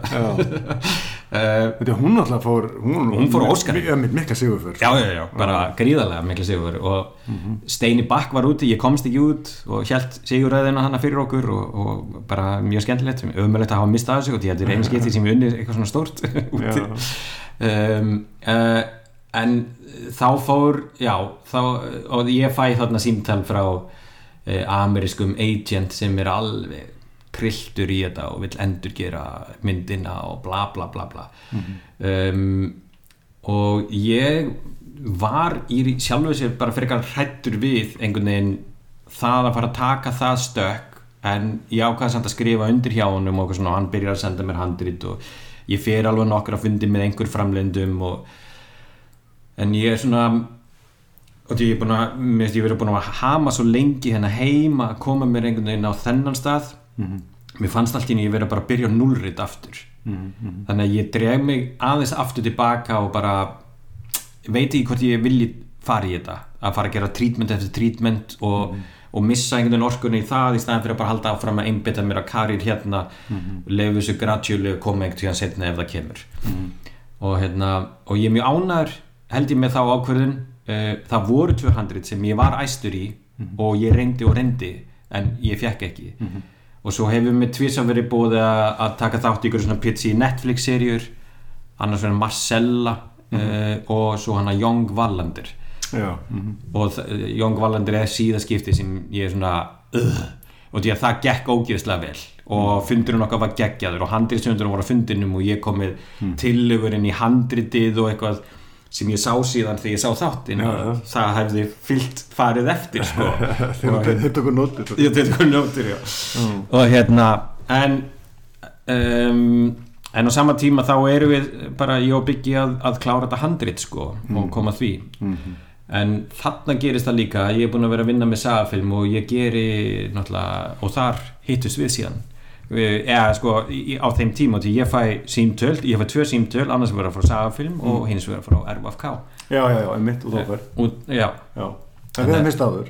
Við hefum, heist náttúrulega í kringum já, Sko, því að það er svolítið áhugavert út af því að fyrir okkar sko í raun og veru, þú veist, frá að gera, erum að gera, koma að sé alvöru, en Já. en gæsileppa sko, er mjög svona byrjað sem tíma. Mjög svipin tíma. Og við hérna, hérna, þegar hérna, digital teknin er komin á þann stað að það er allt í hörðu, það er alveg valið að gera bíómynd, mm -hmm. veist, þetta voru einhverja myndi gera áður en þarna er þetta orðið sem er svona, sem sangjumsættu filmuna kannski má segja. Já, og við hittist við vorum hérna í, í, hérna, í sambjónum þegar við vorum að horfa á test eða nefndu, við vorum að rifja upp á hann. Að horfa á trailer. Við gerðum trailer sem ég er alltaf inn að fara að hugsa núna að hafi hreinlega verið ástæðan fyrir að við fengum já frá KMI ég sérst fór og skaut í einn dag með öllu krökkunum. Aha.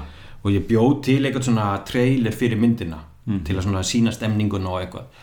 Og ég man að Jói sagði bara já, hérna, einn félag minn var að koma hérna að utan og geggjaðlegstir og gera- bjóða honum og sjá hvað honum finnst. Uh, hann þekkti þig sko. Já, við vorum, ég, held að, ég held að ég og Besti höfum verið báðir sko.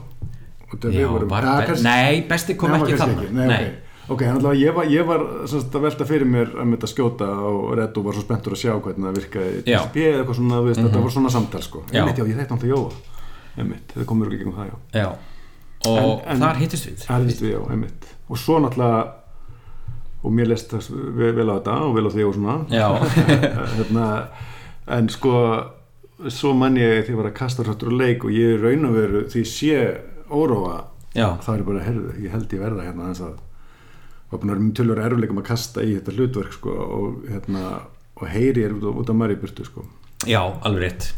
Þannig að hérna, þú, sem þú náttúrulega, já, bara hérna, hérna gæst nokkuð með mér allt það sko og hún kom og, svo, og algjörlega gerði það svo að sínu. Þannig að það var svona einhvern veginn já, við alltaf svona aðeins hugsaði tilbaka þá tengi það er smá tengi hérna á milli sko. Algjörlega, og, og, og svo náttúrulega, já, aftur þegar ómitt ófært sem er kemur. komin í ófær sko, já, já. Sem náttúrulega var rosa svona áhugavert æfintir að vera með í. Já, heldur betur maður. Og mér fannst það náttúrulega alveg bara trillt að hérna fá það símtal. Uh, ég, sko ég er að vinna í case þarna á undan. Það er byrjað það er Svo byrjað, vinna, já. en svo kemur hyggst í, í fjármögnun og ég fæ þetta símtal Mhm. og fæ í raun og veru bara leifi til að stökka út og, og hérna og í raun og veru bara leið og við byrjum í tökum á ófærð þá leysa þeir vandan hinum einn Mhm. og þá er bara farið í að díla um að ég losni þannig að ég fá að skjóta mig út þarna Já, á siglufyrði skjóti framalega og Já. já einmitt, einmitt. til að fara yfir í hitt Mhm, mhm. og það er náttúrulega þú veist, þetta voru þvíleik viðbreyðið einhvern veginn að koma inn í framleyslun og, og ófærð eftir allt sem maður var búin að hamast í sjálfur maður þetta var eitthvað svo overwhelming allt saman. Já, þetta, þetta, var var, þetta var sýri sem búið að vera umræðinu lengi og hérna og var þetta vel undirbúinn og eitthvað svona mikið hérna, og búið að fjármagn almennilega. Já, þannig að svona, ja, þetta var alveg st- stórt skref sko. og það var líka það sem mér varst svo áhugavert og við hefum, við hefum ekki gert mikið af það er þetta að vinna í þessu sjórunar umhverju með öðrum leikstjóðum já, mér varst það bara, það komið svo óvart hvað mér fannst það skemmtilegt sko. á, ógeðslega gaman sko og vorum hérna í leikstjórhúsinu hérna, hérna, já, já, já, tampast okkur saman á kvöldi Já, það er saman á kvöldinu þetta, þetta riðsögur og eitthvað sko. þetta var, það var út af því að þetta er sko þetta ókasturinn við leikstjórnstari getur verið þessi einhvern veginn, maður er svo Já. veist, og er Já. ekki beint með þú ert með einhverja svona, er svona einhvers konar partnerar en eru samt að vinna fyrir þig já, já, já, orka, dýnamík sko. Nema þarna voru við auðvitað hérna, ég þó börkur sko, ránir inn til þess að vinna þannig að við vorum allar svona veginn á sama Já. stíi með það sko og, og líka hérna, þú veist, ég veist, maður var að gera senur fyrir hvern annan Já, sko, já, já, sem var líka áhugavert sko. Mhm. þannig maður var eitthvað, hörðu, og ég og skjóta hann að byrjunum sinni í þínu þetta eitthvað sem ætti hérna að segja. Að eitthvað, já, allt þetta. Og, og svo líka svolítið áhugavert um að fyrir þau sem að fyrir það hlutverk, sko, þá var maður einhvern veginn vanda með þessu ekstra mikið, sko. Já, já, já. Vill ekki klúra í, sko. Nei, nei, bara, var þetta allir lagi? Já, þetta slapp þetta til, sko. Og hérna, ég man að börkum aðeins verið þessi tökustíl, sko. Já, og þá bara, já, herðu, nú komið, þá, ok, þá var bara í það, sko. Já, einmitt. Kamerundan af þjóðbættinum já, allt á lengur leinsum já, já, en það var rosalega skemmtilegt tíðanbíl áhugavert sko. Já, virkilega. Lærdómsríkt, sko. alveg, bara ótrúlega lærðansvíkt og, og það er náttúrulega ekki sko, það er ekki spurning að þetta eða er, start á einhverju sjómasvoru í íslenska kvimindi gerð það Mm. á, á, er ófært þar og því að það, þetta er svona þetta er fyrsta svona verkefnið. Já, já. Mm. já, vanlega, ég meit, sko, sjómasgerðin byrjar einhverju alvöru hana, réttur hrungaskið um Já. hrungaskið hana, mm -hmm. einhverja serjur en, og, og þetta verður einmitt uh, réttur og pressa og, og þetta, það serjur þetta komna, sko. Já, já, það er einhvern veginn tekið á annan level hana, og líka kannski í fjármögunni já. Yeah. og, og sjómasgerðin er náttúrulega bara breytast. Það er kannski stóramál það er stóra máli, það er náttúrulega já, þetta er streymisvitu uh, aldan er að byrja. Já, já sem er bara gaman að hafa fengið að taka þátt í sko. Já, mitt. og ófar fór við á eitthvað svona og þá allt í náttúrulega styr ég, ég, ég man mér að segja sko að, að tala við framlendur um þetta sko, sagt, bara fyrir bíómyndunar þá, þá hjálpa ófar líka. Já, þá allt í nú bara hérna, já, hörru, þeir eru hérna, þú veist, þeir eru hérna, spendir út á ófær sko, Já, hérna, fyrir að koma inn. En einhvern veginn, það skiptur þessum mjög máli fyrir hún allan bransan sko. Já, ekki spurning um, Mjög fyndið einhvern veginn að hugsa út í að, að sko, svona þrjú stæðstu svona verkefni sem ég hef unnið í sjómarpi Mm. eru allt sko svona morð uh, þættir. Já, og þetta eru, þetta eru einu seríuna sem ég nenni ekki að horfa á sko, það eru morð þættir. Það er, ég slekki yfirleitt sko ef það eru morð á fyrstu fimm minnunum sko. Um, þetta er mjög ákvæmlega en það er mér finnst alveg hrikalega gaman að búa þetta til sko. Og, og skemmtilegt sko. Um, en hérna En eitt með hérna þetta, ég, þetta, þetta er punktur sem ég ætla ekki að, ætla að munna eftir sko, að spjalla með núna, sko og því að núna, já, við höfum báði verið að vinna dálítið í sjónvarsserjum mm. -hmm. ég hef verið nú verið í því bara meira og minna síðan ófærð, þetta er eina bíómynd. Já, og uh, það er það er eitthvað við sko sjónvarsserjunar sem að sko þær eru, þær eru hvernig var það, þær eru pínu einnota. Já, þú, hversu oft er þetta hérna, horfa serju frá 2010 nei, einmitt. þú veist, það það er koma, verða rosa heitar allir að tala um þær, eða Já. eru góðar og svona. Mm og allir að horfa að þær og maður fyrir bóð og hérna, hérna er að sjá þetta, já ég er komin hérna á fjóra þátt og ok, ég ætla ekki að segja og Nei, allt nei, þetta, verður umræðan. Meir en bíómyndunar já, en það eru hins vegar aðeins einnóta það er ekki, þú veist, það er bara eitthvað stöku sem maður verður að horfa einhverja eldri serjur þú veist, Breaking Bad eða eitthvað svona já, já, sem maður kannski getur færið í. Annars er maður ekkert að horfa gamast en bíómyndunar horfður léttilega mynd frá 98 Já, mynd og aftur eitthvað svona þess vegna og hversu oft horfður aftur á serjur þetta er svona einhvern veginn þetta einnata element er pínu þú veist, að, hérna, það er náttúrulega, ég hugsa stafi náttúrulega bara af investinu sem þetta gera fyrir séri Já, sko. bara- lengdin. lengdin sko. já, já, já. að maður er ekki til í að tíu fórna- klukkutímar Já, versus hérna- versus reyta hálfur sko.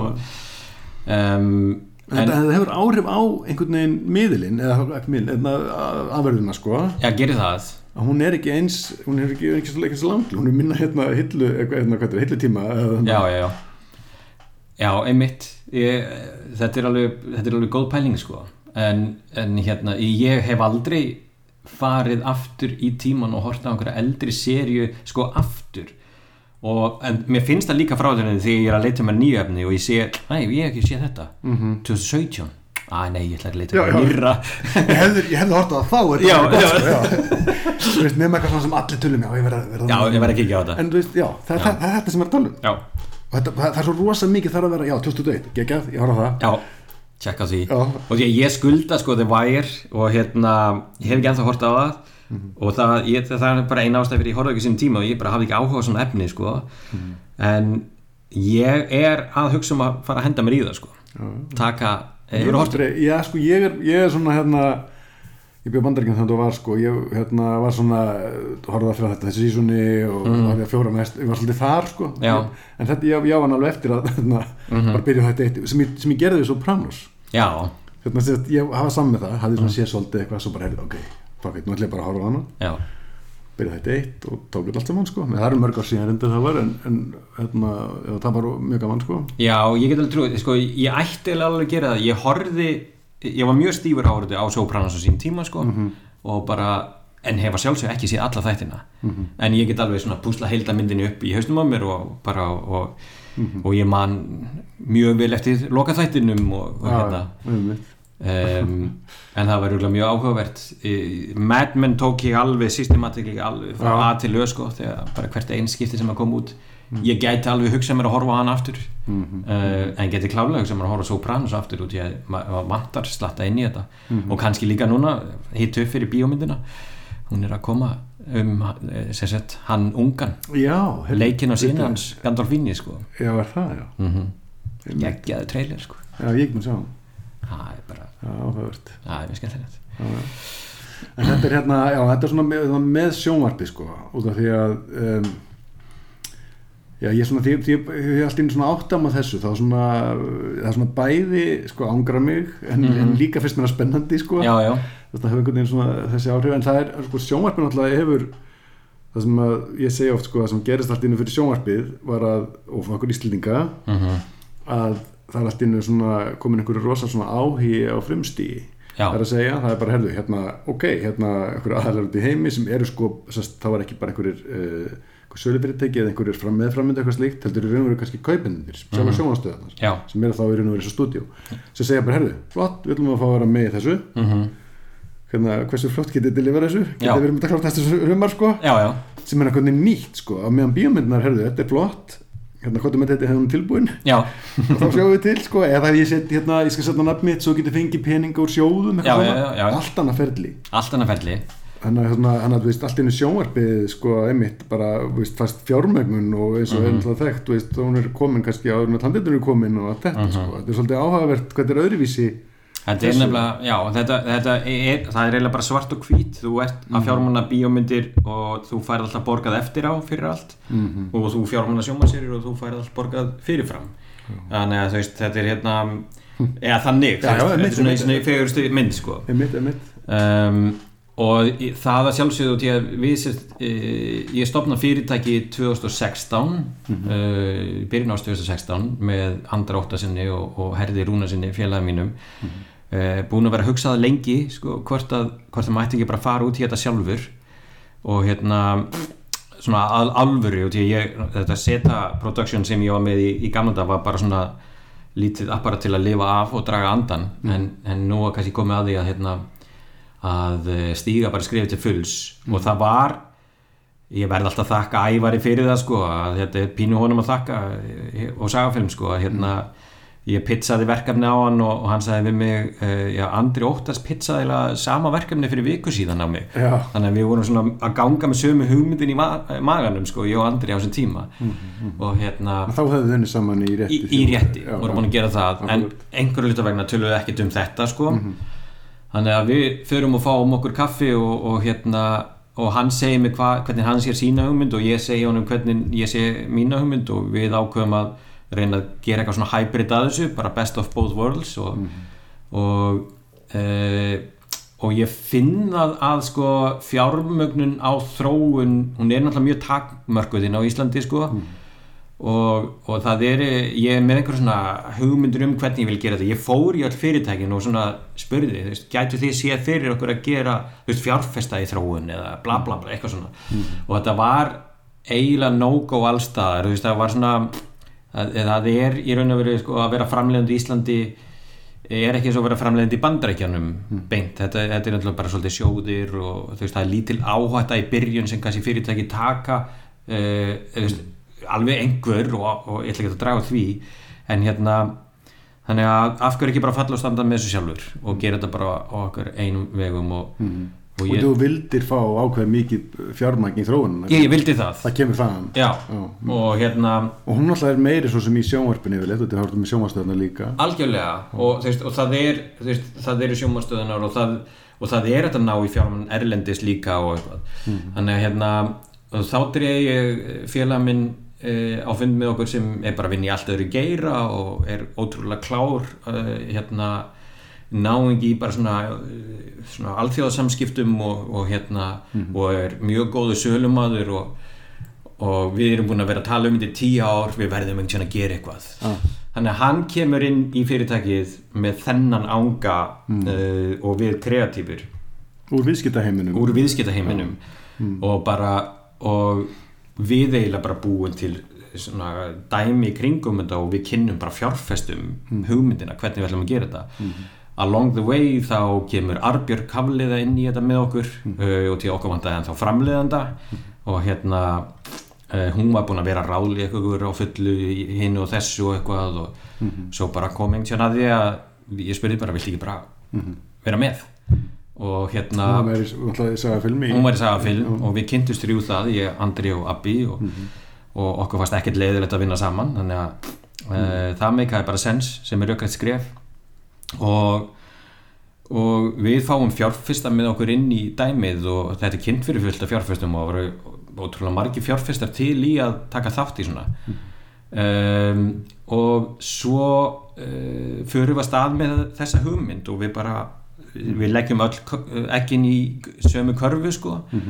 Bara hugsaum ekki neitt annað en þetta verkefni og það er þróað og sjómar símans tekur þetta með okkur og, og það er bara tveggja þryggjar og þróun bara á fullu og þetta lítur allt vel út og við fáum með okkur fyrirtæki, franskt fyrirtæki til að koma inn með okkur í þetta Wild Buns og, og þetta er bara farið að líta fáránlega vel út.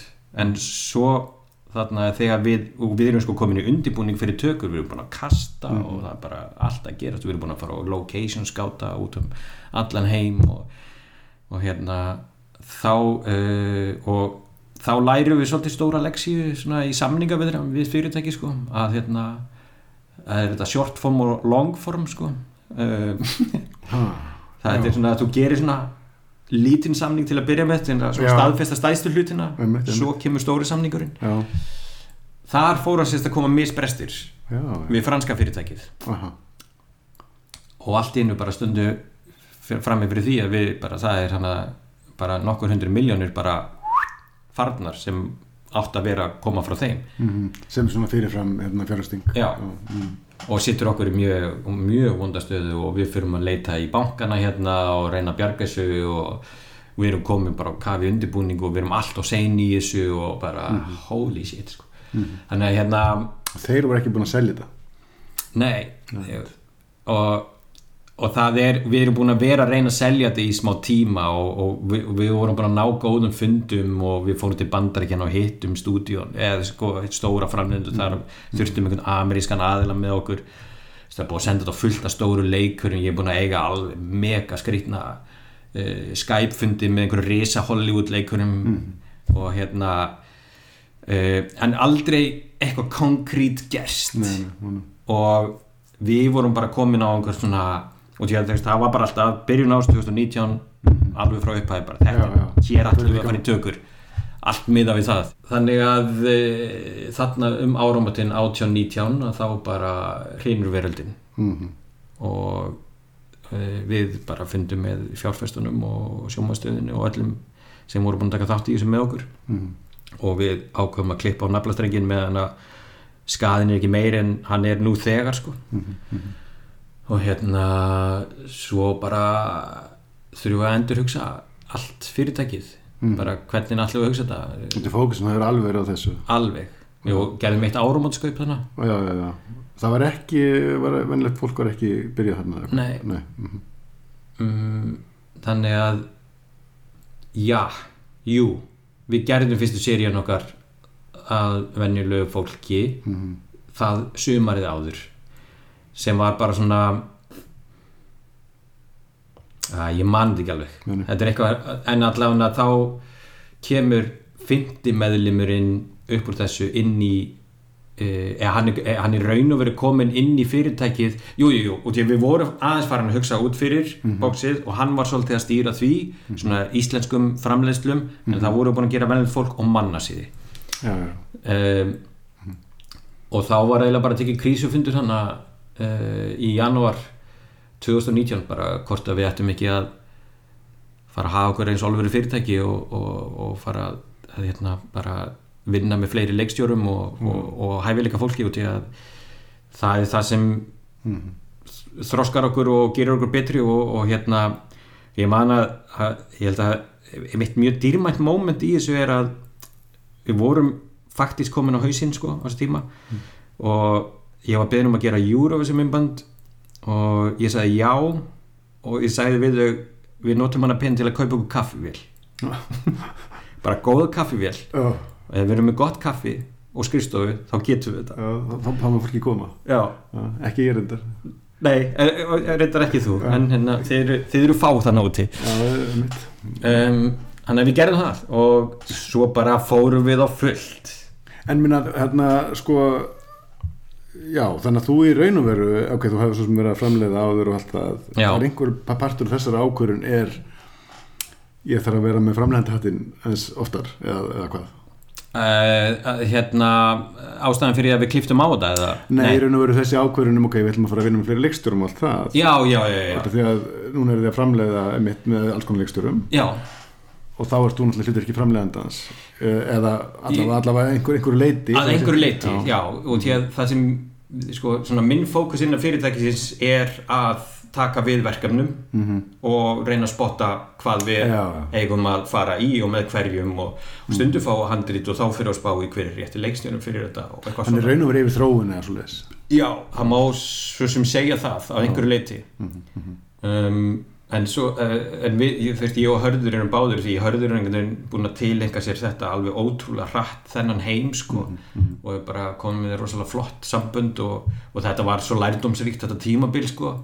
Og hérna mér líður pínu svona eftir og þetta var, hafi verið pínu gott á okkur að lendi í þessu. Og því að þetta fjekk okkur til að einhvern veginn að hrista okkur betur saman og, og hugsa öðruvísi. Og hérna þannig að við erum bara já, við erum bara komin á fullt í þetta og, og, en við erum ekkert hætt við erum ennþá að þróa svona high concept hugmyndir og ég og Andri Óttars erum langt frá því hættir að vinna með þetta verkefni sko. Það hugsi stórt já, það verður alltaf að vera með sko. Já, já. um, þetta, en þetta er bara eins og gulldrenginir sko. Já, já, þetta er bara sama dæmið þetta er sama dæmi sko. Þú þurft að, að tapa nokkur þess já. En, hérna, en eru, þú veist, sérðu fyrir þér að, að þetta núna hefur bíómyndar allar framlegar uh, með hérna, júla á þeim í kvikmyndar Íslands og þannig að sérðu fyrir þér að allt sem þú gerir núna er innan Já, er, er, er, Ertu einhvern tímann að vinna með einhverjum annars þar Þetta er allt bara innan hús Já, þetta er bara allt innan og uh, og sko það, sko það breytir svo mikið eftir að sko Andri Ómars er 50 meðlur sem kemur inn að hérna bara svona hugsunaháttur innan fyrirtækisins bara breytist svo rosalega við að fá hann hann, hann er líka bara svona rekstra þengjandi og þannig og, og það að ég fari einhvern veginn út fyrir reksturinn og gera eitthvað annað er bara svo skrítið það er svo mikið húi hjá okkur Já. að halda innan fyrirtækisins Aha. þannig að ef ég fæ sko verkefni sem hérna mm, er annar staðar að þá nálgast ég alltaf bara já, meina, ég er alveg til að skoða þetta en, en þá eru við að fara að koma með þér í þetta sko. þannig að við erum alveg í nokkrum samvinnuverkefnum núna sko, til dæmis eins og bara þróun og vigdísi míniseríum Víktis í Fimbodóttur erum við að gera með Vesturport. Já, já, einmitt og það er bara samvinnumverkefni jafnt á milli þess að tvekja fyrirtækja sko. já, já, já. um, En ég meina, þú veist, ef að, ef að, hérna, ef, ef að að þú færið sím, símdal og tilbúð, hérna, að auðvitað að gera bíómynd, já, sem er auðvitað, hérna, er, hérna, og er, er, er lukratíft og er, hérna, líst vel á allt þetta og skera það, mm og þetta er ekki bóðið í, þá stendur þú bara, bara með lúksusvandamálinu. já, í raun og veru sko Já. algjörlega um, En markmiðið er að gera innan, eh, gera Já. innan ekki fyrirtækis. já, bara 100% Mhm.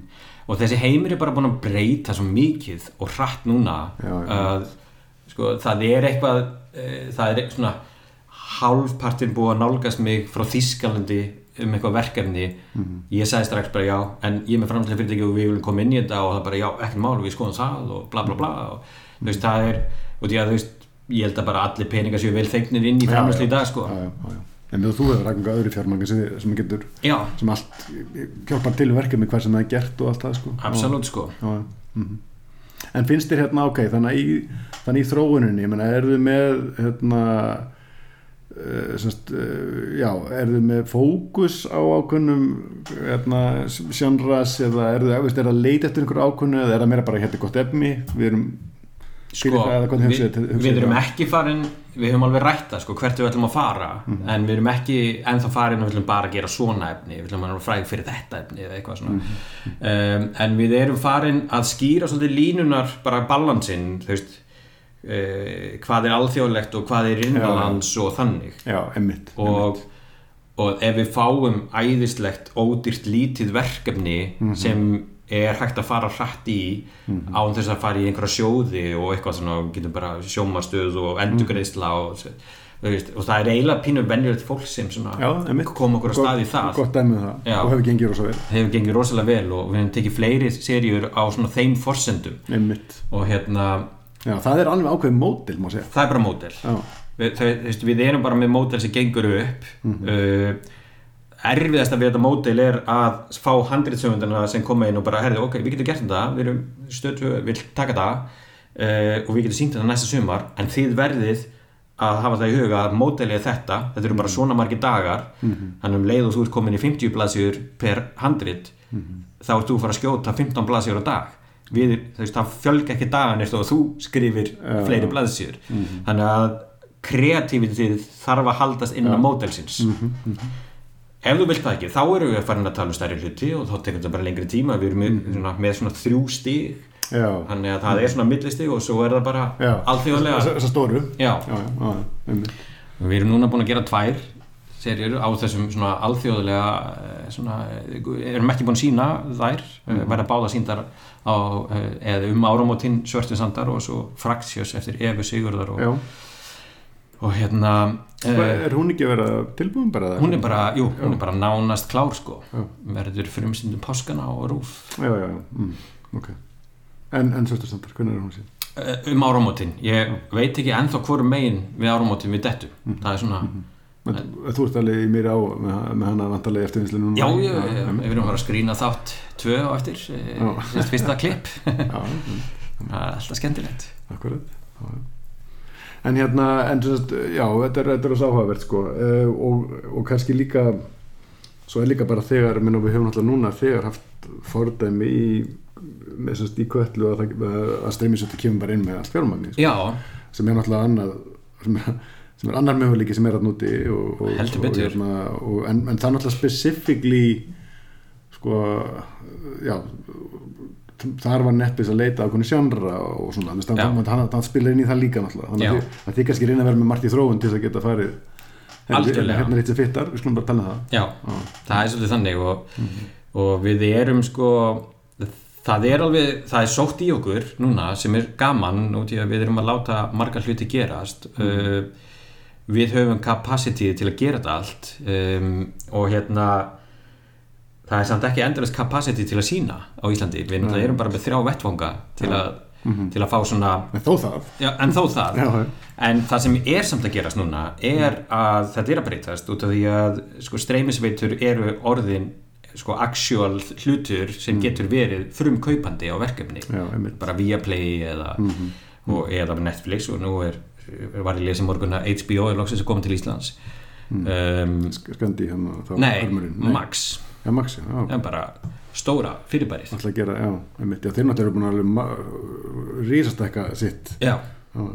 með að ráhvert að fylgjast með HBO vegna þess að þeir sko hafa alltaf verið að mínum mati verið sko í rosa góðu quality með Já. allt og hafa sett mikla resursa í þróun já, og maður sér það og ég þekki að fólki sem hefur verið að vinna mm Mhm. -hmm. og það er bara endur öðruvís annars Netflix gerir allt saman bara gerir, já, já, já. gerir, gerir þannig serjur og gerir líka einhverjar já. ábyrðir minnu bara eru allar pakkan en HBO hefur þetta svona hann gæðastimpil og ég velti fyrir mér sko hvað gerist eða þú veist eins og núna þegar það, þurfa að framlega svo miklu miklu meira. Þú veist, geta þær haldið þessu gæðum sko. mitt ég, ég, mér finnst óleikt að þeir sé að reyna eins og sko. nei, mitt, kannski, ha- það er kannski eitthvað svona þeir eru með það en það er, það er bara annað dæmi. Er bara annað dæmi. þeir eru ólíkir öðrum aðilum að þeir bara ok, þetta hérna er orðið hansi gott en það þarf samt árið viðbúti í þróun. Mhm. bara gerum við það, og sem er alveg einstakt sko. það er eh, það- hérna það er einstakt og, og, og maður finnur það líka sko, ég er nú búin að vera með eh, HBO í nokkur ár uh, kól ólöglega hérna á Íslandi að hérna uh, en það er bara til að þú ert solid einu sinni mánuði að horfa á einhverja seríu sem gjörsamlega held ykkur þig sko. já, já, já. og það er frábært það er ekkert þannig á Netflix sko. Nei, nei, nei, nei. uh, Þetta, er eina, þetta er eina svona brandið Já. sem er bara, þú kannski horfir á leikstjóra eða eitthvað þannig, ok, ég ætla að fylgjast með eða eitthvað svona, já, en þetta er eina bara svona stúdíóið sem þú bara, herru, ég ætla að horfa alltaf sem, það sem þessi gera. Já, eða þú veist, það er gæða, ég veit ekki um serið en ég ætla ekki að henni séðan út að bara þetta er Mhm. HBO sko, já, það er áhugavert sko. En, en það kemur út af þessari bara, það er bara peningar í þróun. Það eru peningar í þróun og mæri maður mikið til í að komast í þann lærdómspakka að, Já. vinna verkefni með HBO Nei, manni, ég hérna, þetta eitt dæmi sko, út af því að ég, ég hérna, vann, vann að seri úti sem að var hérna pínu svona, að margt sem myndi á Succession í heimi milljaramæringa sko. og ég var að horfa á Succession þess sem ég var að undirbúa þessa serju Mhm. og veist, æðislega þættir og hérna bara hérna og ég, ég, ég, þekki fólk sem er vinnur í veita sko eða sérstaklega eitt sem er sko var tökumæður en er líka búin að leikstri þetta þáttum Mhm. Og ég var svo öfundsjúkur ég var, hérna, ég, var að, ég var að vinna með stór budget Mhm. en vonlýs handið komið sent og illa Mhm. og en við vorum að gera sambarilega hluti bara Já. senur sem að að vera þú veist, einhverju risabóð og þú fær 200 eitthvað ekstra í hérna, smoking klutta og allt þetta dót sko já, já. en hann var bara að horfa, hér er bara eitthvað svona hérna, klefar og skemmtilegt og hér og svo ég díla við þessi handið þarna sem að, já, ég er ekki komið eins og ný og ég var bara hérna ah. En ekki minni budget sko. Nei, nei. ekki, að maður horfir á bara sjónseiminu virka svo ólíkt sko. Já. Það var fyrir Sky þar sko. Það var það er bara öðru þessu hugsun áttur en svo er þetta líka bara að þetta sko kannski þannig maður bara fara að hugsa mjög mikið hvenar þú ferð að pizza hugmyndina einar og því að ef þú ert með einhverja geggjaða pælingu þá er eiginlega, og þú veist að hún selst þá er eiginlega nánast örytta að þú færð hversu hrætt getur þú deliverað. Já, já, já. og það er hættulegt. Og það er hættulegt hérna, hérna, hérna þú ert með konceptið og búin að gera fyrsta þáttinn og allt frábært en, en svo þetta er actually að skrifa þetta út og þá kannski virkar það ekki og Mhm. Nei, nei, Ég meina, það, það var það sem gerist í þessari serju hana Já. í hennar yfir konceptið var- fyrir þetta fyrir þessi svona geðveikt það var mjög gott. Já. mér var selta bara ég, og ég, ég kommentaði handeitin er ekki en það hvernig með handeitin já já við veitum að því við ætlum að setja rísósaði núna og, og, Mhm. en pizza frábært. Ég bara hefði ok flott. Mm og það er allt annað mál. Þannig að hérna en þetta er hérna þetta er alltaf trikki út í að þú vilt náttúrulega vera í framlýslu og þú, Já. þek, og þekkjar náttúrulega verandi núna þegar megin. Já, já. Það er nú málið. Að hérna og þú veist og, þú, að það, og þó að þú settir fullt af penningum í það og ræði fullt af fólki þá gerist það samt ekki eitthvað nóttu sko. Nei, nei, það er nefnilega málið. Og ég sko ég er mjög ánaður með ferlið sko á svörtu sundum sem Mhm. um, þá komið til ykkar ekki konceptið? jú, að Raggi og Aldís koma til okkar með konseptið sem er svolítið svona inspired af hérna uh, hvaðan voru það Frans, franska systur eða frængur sem hérna voru teknar hann upp í bíl á, á sínum tíma. á sínum tíma. Já, ég mann eftir þessu bara sem já um, það var gaur hérna með, með hérna sem var svo þau náðum og það var svona einhvern veginn faldi sér já, já, og eitthvað. Já, já, rétt. Alltaf gerast. Mm. og hérna uh, Andri Óttars fer inn í þróununa á konceptinu með þeim uh, til að byrja með. Og það svona fer að mótast svona uh, enn stærri saga einhvern veginn. Og svo svona hægt og rólega þá íttu við frömsku sýsturunum bara aðeins til hliðar. Uh, vorum alveg inspired by it en sagan er enga veginn um það lengur og svo kom ég inn veist, og svo fór, svo fór Andri að að pitcha þessu fyrir mér bara andrúsloftinu og, og staðhættum og staðháttum og, og Raggi var líka búin og ég var mjög hrifin af því bara þessari þessu atmói sem maður fann fyrir í hugmyndinni. Og, og ég hafði svona sagt við mig og aðra ég ætla að gera eina hérna svona whodunit eða svona morðserju uh, í viðbútt mm. að mér finnst ég ekki hafa gert morðseríuna sem mig langaði til að gera ennþá mm. uh, Korki Case nýja ófærð var það uh, svona eins og ég hefði viljað Mhm. hor horfa á uh, ég veit ekki, þú veist, bara svona um, öðruvísi atmó um, þannig að ég fer með þeim inn í þróunina líka og þá förum við bara að taka þetta í svolítið svona allt, allt aðra átt og við förum bara að þróa þetta í kringum einhver svona litla fjölskyldu og þetta verður einhver svona fjölskyldu dramaserja með alveg massífri spennu inni. Og hérna og allt í hennu erum við bara komið með drullu, drullu skemmtilegt konsept og það sem Raggi kemur með inn í þetta er svo, hann er svo geggjaða Raggi Lögga. Já. inn í þennan heim. Og þegar við byrjum að skrifa út söguna, trítmentið að þá er ég bara svo ógeðslega ákveðin í því að halda í þessa initial tilfinningu varðandi atmóið. Og þar kemur Raggi líka ógeðslega sterkur inn út í að hann kemur með allt procedural dæmið. Þetta er svona en ef ég væri aðeins verið lögga hvernig myndi ég gera þetta þá? Já, áhugavert. Já, þá myndur þú ekki gera þetta. Ah, notum það. Og eitthvað svona. Uh, en uh, og, það, og sko, svo er náttúrulega Aldís með okkur í skrifunum, hún kemur inn eiginlega bara uh, með það bara nelt við sig að vera aðaleikonan og þetta er hennar karakter. Þannig að við förum í þessa þróun saman og, og skrifum þetta út saman. Svo líður hálft ár. Þau eru alveg með í þessu alltaf? Þau eru með í þessu og, og það sem við gerðum í skrifum var mjög áhugavert. Ég er svona um, uh, ég let Ragga uh, ég raun og veru tók Raggi að sér að skrifa svona procedural stöffið mm.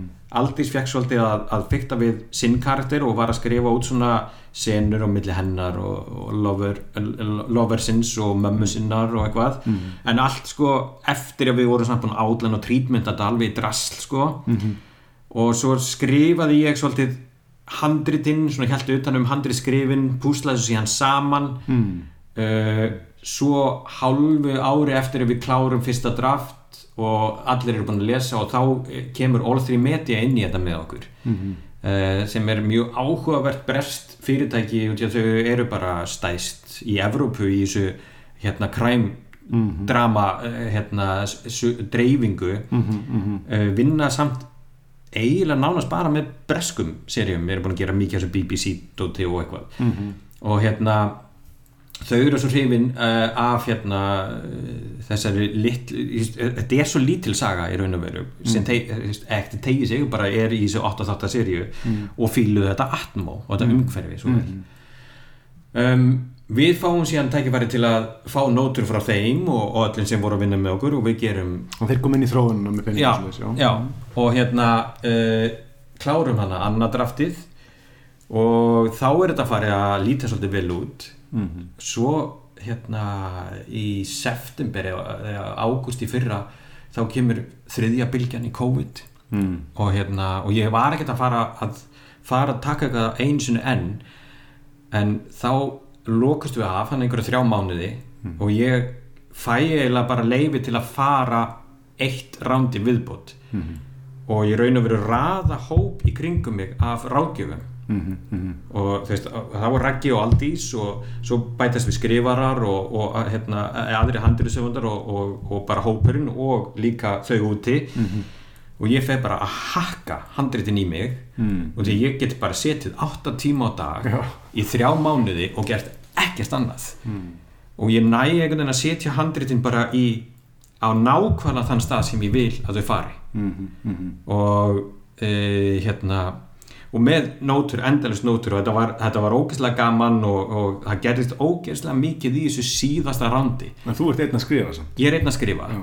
og hérna en þau rækja og aldrei sér alveg bara á bakina mér allan tíman Já. og bara senda þér nótur og við lesum og skypum saman og bara Mhm. eru það að fíla þetta og, og var að bæta inn uh, uh, svona uh, reyna að koma inn meiri löggustöfi á þess að búið til löggustöfi út í að uh, sko það sem ég sá alltaf fyrir mér er bara ég verð að geta horta á sjómarserju um löggur en þetta gæti líka verið bara um kassagerðina. Þú veist, ég, ég nenn ekki lengur samtölu um það sem löggur tala eins og löggur. En þetta er samt vinnan þeirra og allt það sko. Og hérna, að ég var alltaf að reyna að finna eitthvað svona taug sem mér langaði að fara inn á varðaði hvernig ég s- geri löggusinnar Aha, aha, Og hver hérna- einstu sinn Hvað segirðu? Þetta hugsa þetta með hver einstu sinn já, já, já. og hérna og við förum helviti langt með það í, í þessu handriðskrifum að finna þessa taug. Og svo þegar við byrjum að æfa og, og ég gerði það núna að ég sko við æfðum alveg í einn og halva mánuð og ég fór eiginlega alveg í gegnum 60% af seri- seríunni á æfingum. Já, já. Og það er Actual æfingum eða í lestri eða? Já, bara actual æfingum sko. Við, ég náði, sko, ég byrjaði á því að taka samlestur með öllum hóknum þar sem lásum ég getum alla seríuna á tveimur kvöldum. Mhm. uh, það reyndar breytist aðeins leikaraskipanið eftir það bara að hérna, við uppgötum að eitt leikarin eða sko það sem ég var alltaf að fá í andlitum var bara, já, herði, ég leki köllu eða sama hlutverk. Já, Þetta er náttúrulega- þetta er náttúrulega nýr veruleiki með þetta. Já, já, þannig að við, við vorum stundum að skipta út leikurum til að það bara með, fannst að vera fárælt og við vorum líka á sama svæði og kalla og eitthvað þú veist, þetta er svona mm. tekið á svipunslóðum og hérna umhund uh, en sko þú veist ég, ég pizza uh, sko hérna svörtusundum ári áður en kalla fyrir tökur á þessu svæði og, og hérna Já, að gera svo hrætt líka. Kalla gerðist bara svona eftir hún gerði sko. Ekki það, ég man alveg eftir köllu þegar við vorum í ófæri eitt. sem hugmynd. Sem er hugmynd sko. Um, þannig að undibúningurinn og preppið uh, allt saman uh, og þetta er kannski líka át af því að þetta er okkar fyrirtæki og svona langar manni að gera hlutina og þetta gefur mér náttúrulega líka alveg ekstra að vera mínu eigin fyrirtæki að gera þetta. Er að fá alla þennan tíma. Já, og, já. og mér fannst ég finna rosalega mikið fyrir í tökunum hvað þetta var vel undirbúið og það er mjög þakklátt og hvað við vorum í raun og veru með ágætlega solid handrit þó að við værum alltaf að gera breytingar og, og eitthvað svona Þetta kannski líka gefur þér það tækifæri.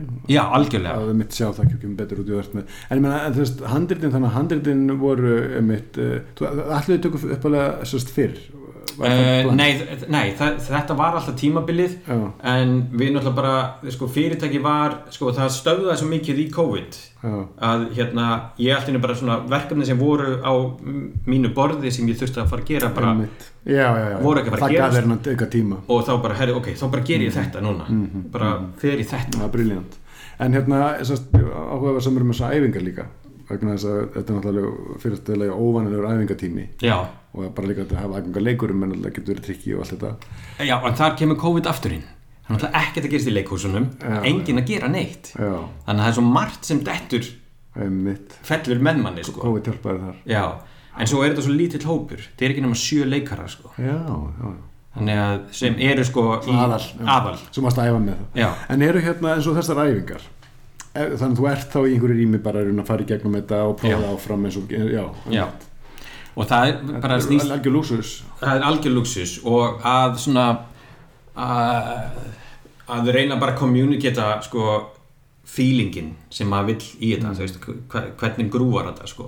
Og hérna eh, er eh, sko og það er svona heildargrúf á seríunni bara hvernig ætlaru að leika þitt hlutverk þú veist, hversu stóra leikurinn að vera og allt þetta. Um, þannig að ég náði einhvern veginn að, í gegnum æfingarferlið að koma öllum á sama stað hvað það varðar.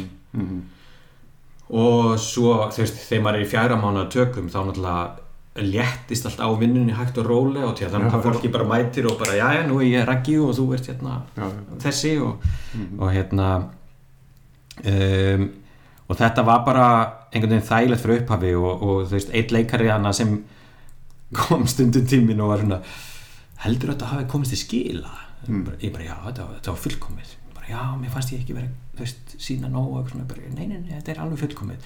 Þannig að ég fór að hamast í klipparanum mínum bara nennur að hérna sýta nokkra búta saman mér aðeins að leifa þeim að sjá hvað við erum að gera. Þannig að svo fór ég bara að vera dug, mjög duglegur að sína en bara senur og eitthvað og, og hérna, og þau voru Svo er ennþá í tökum. en það í tökum, já, bara nýbyrjuðu tökum nána sko. Og svo fann maður bara þegar þau fóru að sjá þetta bara, wow, já, þetta er geðvitt þetta er, þetta er stemningin, bara, já, þetta er stemningin Já. bara, og hérna og með þess að Petro sem er að gera tónlistina Petri Jónsson að hérna e, við byrjum alveg ári áður sko. Einmitt, ég heit hann, hann myndi segja, ég heit hann den, hann var að Já. vera að sem frá þessu. Og hérna þannig að hann fór bara að senda okkur bara stemmur og þannig að við gáttum bara farið að sjá svona heildarmynd strax á bara tón og útliti og, og svo var það líka með útlitið að hérna ég og Jói tókum líka þú veist, við erum búin að vinna saman síðan í Óróa og þekkjum hvern annan inn og út og hérna og það var svo gaman að uh, sko, það er nefnilega áhugaverð þróun hjá okkur þú veist, þegar við gerum sko, þegar ég gerir óróa þá veit ég ekki neitt. Ég kann ekkert á lýsingu og, og veist, bara er rosalega fjarlægur kvikmyndatöku, ég hugsaði bara um krakkana, bara ekkert að pæli neinu. Og Jói fekk svolítið bara að skjóta þetta. Um, ég var alveg með ákveðna hugmyndir, ákveðna senum mhm. og eitthvað svona. Svo er vonastrætti að þá ákvað ég að ég myndi fá að æfa senursetti og finna út með leikurum. Svo myndum við hérna búa til hérna svo, já, svo myndum við bara blokka saman samkvæmt þeim. Þannig að við fylgdum bara leikurum á deginu Á deginum, já, sko. þetta er ekki fyrirfram eitthvað Jú, við gerðum alveg fyrirfram hugmyndir hvernig við vildum skjóta en, en svo leifðum við samt æfingunni að stýra okkur svolítið. Akkurat. Mhm. í lof mér að falla þá fórum við að fara svolítið millivegin, við fórum að undibúa meira tökunar og svona atmóið og ég fór að æfa inn í það sem við vorum að gera. Já, já, já. og, en það var alveg til skiptis. Í svörtusöndum þá fórum við alla leið. Bara ok, nú bara plönum við þessa kvimdatöku í drasl og ég ætla að leika inn í það. Já, já. uh, og það er svona 95% gert þannig Já. þessi seria en þú varst búin að æfa líka? En ég var líka búinn að æfa, þannig að ég hafði ákveðna hugmyndir hvernig það myndi ganga saman. Það kom alveg annarslega upp og ég sagði bara, já, ok, þetta gengur ekki, við verðum að breyta. Já. Og bara allt í góðu. já, Við erum samt alltaf á settir og alltaf getum við einfaldað. já, Og því að mér finnst meira verðmæti í að finna góða sko kamerustöðu en margar kamerustöður. Þannig að ég, ég held að sleitfjöldin hafi slegið öll með í þessari seríu hvað þetta voru fá sleit sko, það er bara alveg ridokkilu sko á fjórum mánuðum. Ég þóri vel að segja það. Já. en hérna, En það er út af þessari, hérna, þessari planleggingu alltaf sem kemur þetta kemur. Algjörlega. Erum með konsept. Við, við erum með ákveðið konsept. Og svo þú veist var mikil vinna í sko linsupælingar, hann reyndar sko tekur þessar linsur inn í Fractures en þá erum við búin að finna þessar linsur og pröfum þær þar og hérna Hvað lýsir þú? Þetta eru hérna Hawk uh, V-Light heit það er um, Anamorphic Já, einmitt aha. um, eru ótrúlega skemmtilegar uh, Já, já. Moonlight var skotið á já. Einmitt, þetta er rosa, rosa góð, fallega já. og hérna og svo notum við hérna uh, smoke filtera sem var mjög skemmtilegt líka uh, sprengiljósið svona mjö, á mjög söll og fallegan hátt sko. Og hérna þannig að við og það sem við gerðum líka er að við ákvöðum svolítið greitið fyrirfram. Mhm, þannig að bara Já. þannig að löttin sem við unnum með á Hann er bara minn nálægt. hann er bara afar nálætt mm, mm. og hann hefur haldið konstant í gegn og, og við höfum greitað núna eitt sölu trailer í þessa átt. Mhm. og þetta er bara, ég er sjúklánað með þetta lúk sko. Mhm, mhm. um, Það er rosa þægilegt, við gerum þetta núna í stelu já, Tvö. Já. Uh, einhver leiti eitt líka. En eitt- tvö voru við bara mjög búin að svona einhvern veginn leggja línundum með þetta. Já, og þannig að, þannig að greit vinna núna steli hefur verið mjög þægileg sko. Já, veist, Þetta þetta er bara svona eitthvað já, Já. það er ekki þetta eitthvað svona mm lítinnir eru komni sko. þetta er náttúrulega alveg bylting að vinna svona sko. Já, með þetta briljant sko. Og það er, út í að sko hún er mjög dökk serían sko. Já. og hérna við tókum ég tók líka ákvörðin að fara ekki day for night grade heldur bara að skjóta alla nætutökur uh, sérst exterior. Þannig að við byrjum á mánatökum úti í, í mæ, nei apríl. Það byrja, já.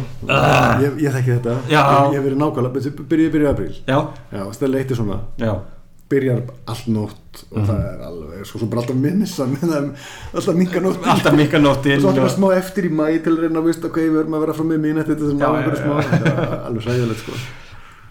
Þetta var, eh, við vorum smá svona hausleisana eftir þennan mánuð. Uh, svo snýrið sér við og en hérna, en náttúrulega inni tökur í annars til í, í interior var bara að degi til. Já. um, en ég er mjög ánæður að hafa gert það til að myrkrið er svo dásamlegt Já, sko. allt miklu fallegra einhvern veginn.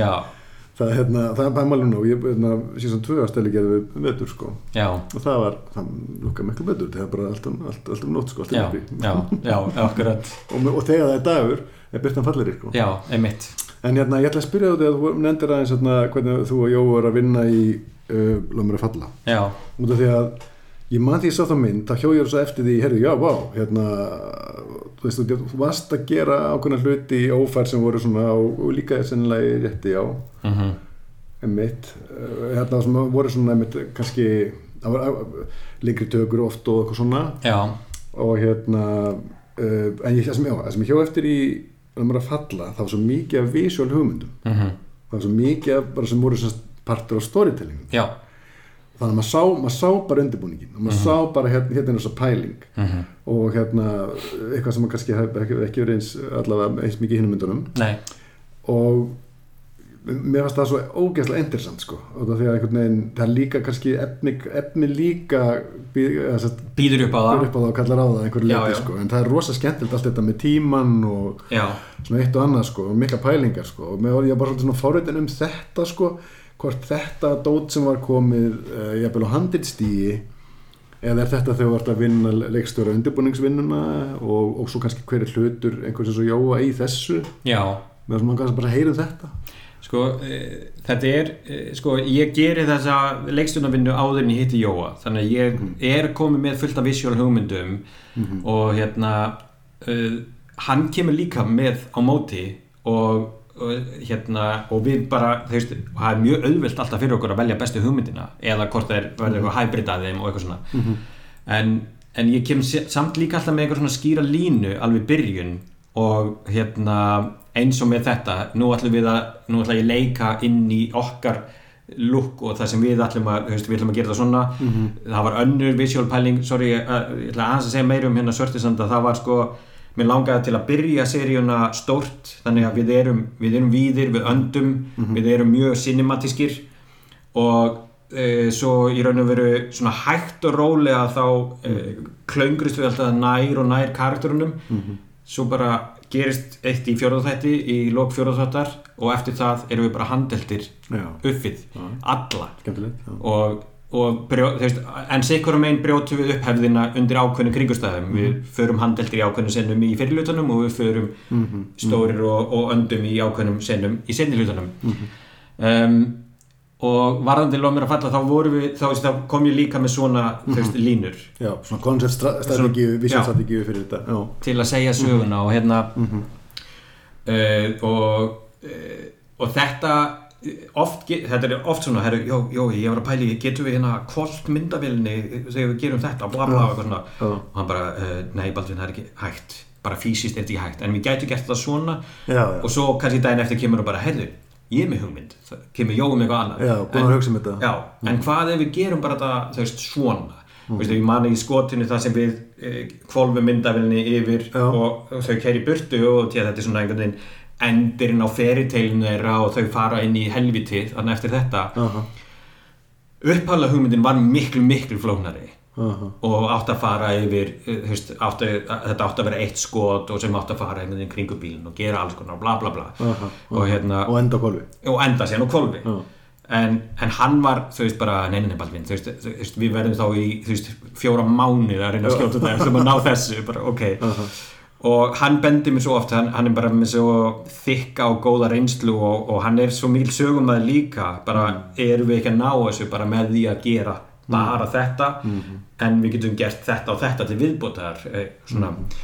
Uh, svo náttúrulega lendum við oft í því á, á uh, staðnum. Þar sem við lendum í, í þessu er að kranin var bilaður. Þannig að allt sem hann gerði þá gerði kranin öfugt. Þannig að hann var að vinna á móti sjálfið sér og var með mig við hliðina og við reyndum þetta aftur og aftur og aftur og aftur og þetta var alltaf að klúðrast og svo þegar þessi taka var í gangi og þetta var að takast þá byrjaði ég að hrista Jóa. Ég, ég var svo gladur hann var að vinna á kranan og öskraði hann á mig.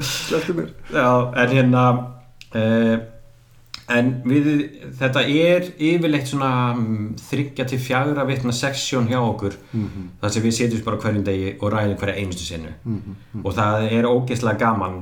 Og ég er þá búinn þú veist, þá veit ég svona sirka ég er allan með hugmyndir að ég, þetta verður ég ætla að skora þetta, þannig að það er engin hljóð eða neitt Já. í þessu. Þannig að við getum leift okkur að gera svona svona til að hjálpa myndatökunni og eitthvað Þessi nöðgunin er hérna það Já. var önnur svona pæling sko sem að maður, maður bara fann hér er allt já, skipulegt er, og þetta var sko þetta var til dæmis eitthvað sem gerist í leikstjóraskjælinu og þegar ég hitti kreatífa hópin fyrst áðurum fyrir mig skátið og allt saman að þá segi ég um, þessa hugmynd og ég man að Haldan hann tók upp síman bara ég ætla, ætla að dokumenta þetta og sjá hvað þetta endar. Og, hérna, og þá segi ég um þessa hugmynd þegar kamera fer hana inn og Bói Ágússon í sjómorpinu og Já. við löpum hann yfir í herbergið og að þá er bara ok, í skátinu þá þurfum við að finna hús sem býður upp á þetta. Já, já, að ég geti kert svona og, og farið Já. þarna inn og eitthvað. Aha, þannig að þá er þetta alveg hugmynd sem er unnin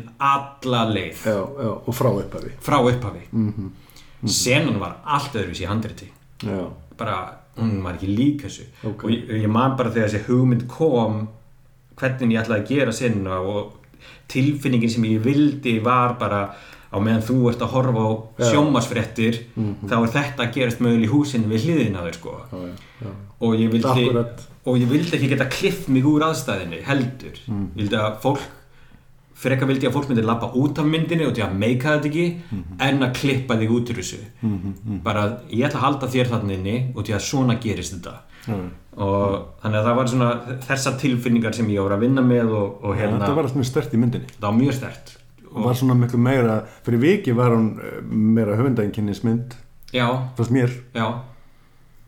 Og þetta er, er mikið af þessu í svörstusundi ég er að halda áfram einhvern veginn á, á þessari braut uh, við erum ekki það, ég segi ekki að rífilega eitthvað en, en við erum sko uh, við fyrsta skotið í svörtusundum er tekið í 400-500 metra hæð þar sem við spýrulum uh, dróna svona rólega niður að það líki sem líkur á strönd mm, mm.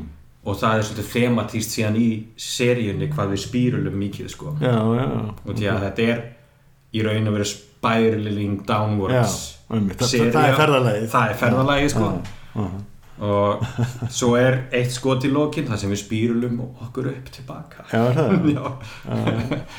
Þetta er skemmtilegt. Já, en hvernig finnst þér, þú veist, í þessu svona lengri, minna, þú ert ekki alltaf átt á þettina já, þú veist, hvernig finnst þér að sko, hvað maður er að segja? Þú veist, það er bara svo mikið magn, sko. Já. það, það, það er alltaf sem er erfitt við seriðnar það er fyrst að gátt að gera allt svona. Já, að, hvað maður að segja, halda dampi í þessu. Og, og, og, og, hversu mikið er bara, þú veist það er fælt að senum sem vantarlega er ekkert með svona koncept sem eru bara venjulegri senu skulle segja. Já, já, já.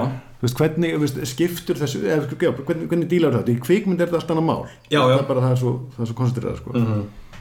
Um, sko ég fann það rosalega mikið í, í þessu verkefni að hérna að undirbúningurinn hjælt mér algjörlega saman sko. ég, Já, já. ég var alveg uh, undir að síðan var ég alveg döð, döð uppgefinn og, og mér var stóri erfitt að díla við já, bara, uh, ok, herri, já, þetta er bara já, veist, svona. einmitt, uh, en hérna uh, en ég var samt út af því að í þessu síðasta þessari síðustu handriðsifurferð Já. og því ég vissi dagafjöldan þess sem við fengum til að skjóta þetta, ég vissi budgetið. Mhm. og það er kannski líka annað sem er gott að hafa gagsæði þegar maður er leikstjóri inn í budgetið og eitthvað, já, að hérna þegar maður er með sitt eigið. Að ég vissi, ég geti aldrei farið yfir þess að dagafjöldu, höfum við gefnaði um, en ég reynist mikið að minga þennan dagafjöldu og ég get því að það er bara betra fyrir fyrirtækið. En á saman tíma þá þá sá ég að ég var með óbrætt prógram án ég byrjaði í þessu þannig að ég sagði framleiðendunar partur af þessari vinnu verður að ég ætla að einfalda og fækka blaðsíðum Já. og fækka senum. Og það var svo holdt að gera það. einmitt, einmitt. Og ég held að hafi fókinnari 80 blaðsíður úr allri seríunni í þessari yfirferð Já, þetta, tímbil hérna er einhvers konar hybrid af endurskrifum og leikstöru undirbúningi. Já, Já. bara klálega Mm sem er rosa með, veist, það er kannski besta leiðin til þess að komast inn í söguna að, er að komast á náldinni. Algjörlega. Já. og það var svo gaman sko því að þú veist, út af því að aðaleikonan var búin að vera einhvern veginn allan tíma með mér í handritinu Mhm. það var líka svo áhugavert að koma síðan á settið og, og, og þú veist, út í að við höfum svo sjúklegan samveglan skilning á svona. En svo var svo gaman fyrir hana að koma inn í sett með öðru karakterin sem hún hefði getur að vinna í þó hún hefði Já. verið að skrifa það og bara wow, hann er geggjað þessi karakter. Bara ég sá þetta aldrei fyrir mér þetta er ekki fyrir hana. Já, mjög skemmtilegt sko, Já. alveg dásamlegt. Og þetta er líka fyrsta sem hún skrifar og svona. Já. Að- já. Já, en er hérna, þú veist já, hérna, þessi, öll þessi vinnar mjög uník finnst mér. Og eða, að það er að segja það er aldrei tími að, að, yfirleitt ekki tími að pláss fyrir þetta. Og Nei, nei, nei. kom kannski eins og segir út á COVID einhverju leitu og eitthvað svona sko. en, en þú veist, ég gerir ráð fyrir að þú munir leitast við, að gera þetta. Gera þetta aftur? Já, algjörlega. Ég er ekkert endilega vissum að ég geri samt aftur að reikstýra heillir svona seríu eitt sko. nei, það er sem um, Það er alveg krefjandi. Um, Þetta var ógeðslega gaman í ófærð að vera með svona part og gaman að geta bánsað og, og verið í samtalið einmitt við aðra leikstjóra um þetta. Uh, Ég gerði case líka en það er mitt það var svona minna mannúðlegt sko. Miklu miklu fleiri blaðsjör á dag og minni un- undirbúningur og, og mikill hasar. Og ég sko eftir ég kom úr case þá var ég svona þú veist ég fór til spána með fjölskyldinu minni og með hjartaverk allan tíman sko. Ég var ekki með mitt hjartaverk, ég var bara svona þreyttur. Bara búin já. bara búinn á því. Uh, og þú veist eftir tíu daga var ég bara yes, Mhm, mhm. förum og vinnum sko. Ekkert burnout í gangi sko. Nei, nei. En svo erum við, náttúrulega, hjá Glassari við, við vinnum ekki 12 tíma dag, við vinnum bara 10 tíma á já, dag. svo það líka, já. Þannig að, og það er bara munar ógeðslega miklu í svona löngu verkefnum. Hvernig, þetta er eitthvað stefna sem þið hafið tekið upp? Já, og byrjuð uh, í, í Fexus eða hvað, eða nei, nei, áður. bara vennilega já, fólki, bara alveg frá upphafi. Mhm. og hver, veist, eh, hvernig uh, og þetta auðvitað er þetta minni tími fyrir þig sem leikstjóra. Já, já, og uh, þannig að sko veist, þannig að, já, bara sem er bara aðeins, aðeins frá, því þessi ákvörðun er há rétt Mhm. held ég, og ég held að þetta sé að að koma og muni, veist, eftir örfá ár þá verður þetta standard hérna þeim já, en það er þessi umræða, þú veist, hvernig getum við þú veist, já, það þarf að vera fjármagn og hérna, framöndu þurfa að skilja og allt þetta dæmi, sko, en ég held að hugsa alltaf þetta er einhvern veginn, þetta er ákvörðun sem allir þarf að taka, sko. Já, þið náttúrulega þarna kannski takið þetta þá bara í saminningu mhm, og þú þarft að ganga að því sem leikstjóri og, já. og framöndinir vita. En, en þú veist, er það að gera ákveð mikið fleiri daga en þau væri ella? Er það, þú veist, upplegja okkur eða er það raun og veru bara við þurfum aðla okkur að því? Ég held að þetta sé meira við þurfum aðalega okkur að því, sko. Mhm. Mm, Maður getur alveg oft spurt sér, sko, hvað hvað er að gerast mikið uh, þú veist, þessi tveir auka klukkutímar hvað þeir gefa okkur í raun og veru mikið um, Einmitt. sko í- allir við gerum ekki yfirleitt okkar verstu hluti á þessu síðustu tvei klukkutíma Já, ég er samt ekki alveg sammála því en Nei, nei, nei, Sko, ég, ég, ég held að yfir að heila setja rétt koncept sem þú segja, þú Mhm. veist, hvað greiði var tveim tímanum ég hef alveg minningar af því að hafa gert hérna, hluti sem ég bara, þú veist, er ánæðistum með. Já, ég, því- ég er það líka sko. Ég er upp í vegg hérna og það er bara hérna, veist, og ég er að fara í overtime með þetta til að ná Já, því já. sko. og, en þannig að sko já, en þetta betur með meira náttúrulega bara sérstaklega í seríum mannulegur umhverfi og þú endar að allir vinna betur sko. Þar er ég alveg 100% sammála sko. En ég, sko, ég gerir líka sko eitt sem er uh, kannski kostur við það og því ég tók hann á tímabili því ég þurfti að draga andan á milli vonastrættis og lóð mér að falla já, þá fór ég að verða aðstofulegstjóri Mhm. þannig að ég eiti að fullt að ég, seríur, auðlýsingar og alls konar hluti Mhm. þannig að ég bara tók það með trombi E- eftir það uh, þá fór ég sko út í að Háldan sem hefur brotið niður með mér Mhm. hérna, eða brotið fyrir mér niður öll handritin og, hérna, og gert plönin Mhm. að við leggjum ógeðslega mikla vinnu í það að finna út hvaða senur þurfa tíma og hvaða senur Já. þurfa ekki tíma einmitt, einmitt og og við erum konstantli að endur skoða þetta og, og svo þegar við finnum bara hvernig hópurum virkar og, og svona hvernig verkefni fungerar og svo fyrir við átt okkur á því bara hefði ég held að þessi sena verði ekkert mál. Við Já, skulum já, bara já. stitta þarna og lengi aftur hérna.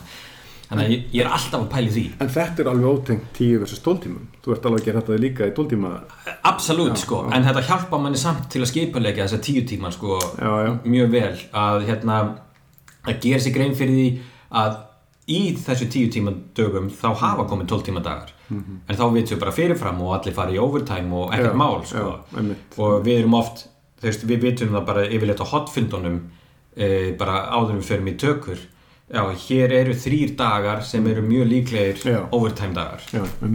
En svo náttúrulega verða bara allir að koma á borðinu, líka krúið og allir út í að þú veist, launin breytast eða sko eh, ekki hlutfastlega eða sko hlutfastlega minka þau en, en hérna hlutfall er alltaf sama fyrir per hour.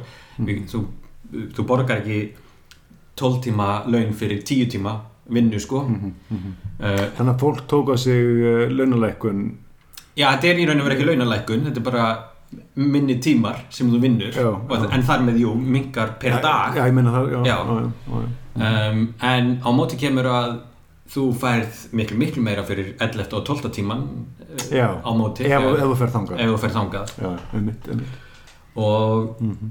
Og svo uh, já og svo er þetta bara uh, að sko við leggjum ógeðslega miklu, mikið upp úr því að vera bara mennsk Mhm. í þessu fyrirtæki og hérna það er hardcore policy að bara ba- bannað öskra á setti hjá okkur Mhm.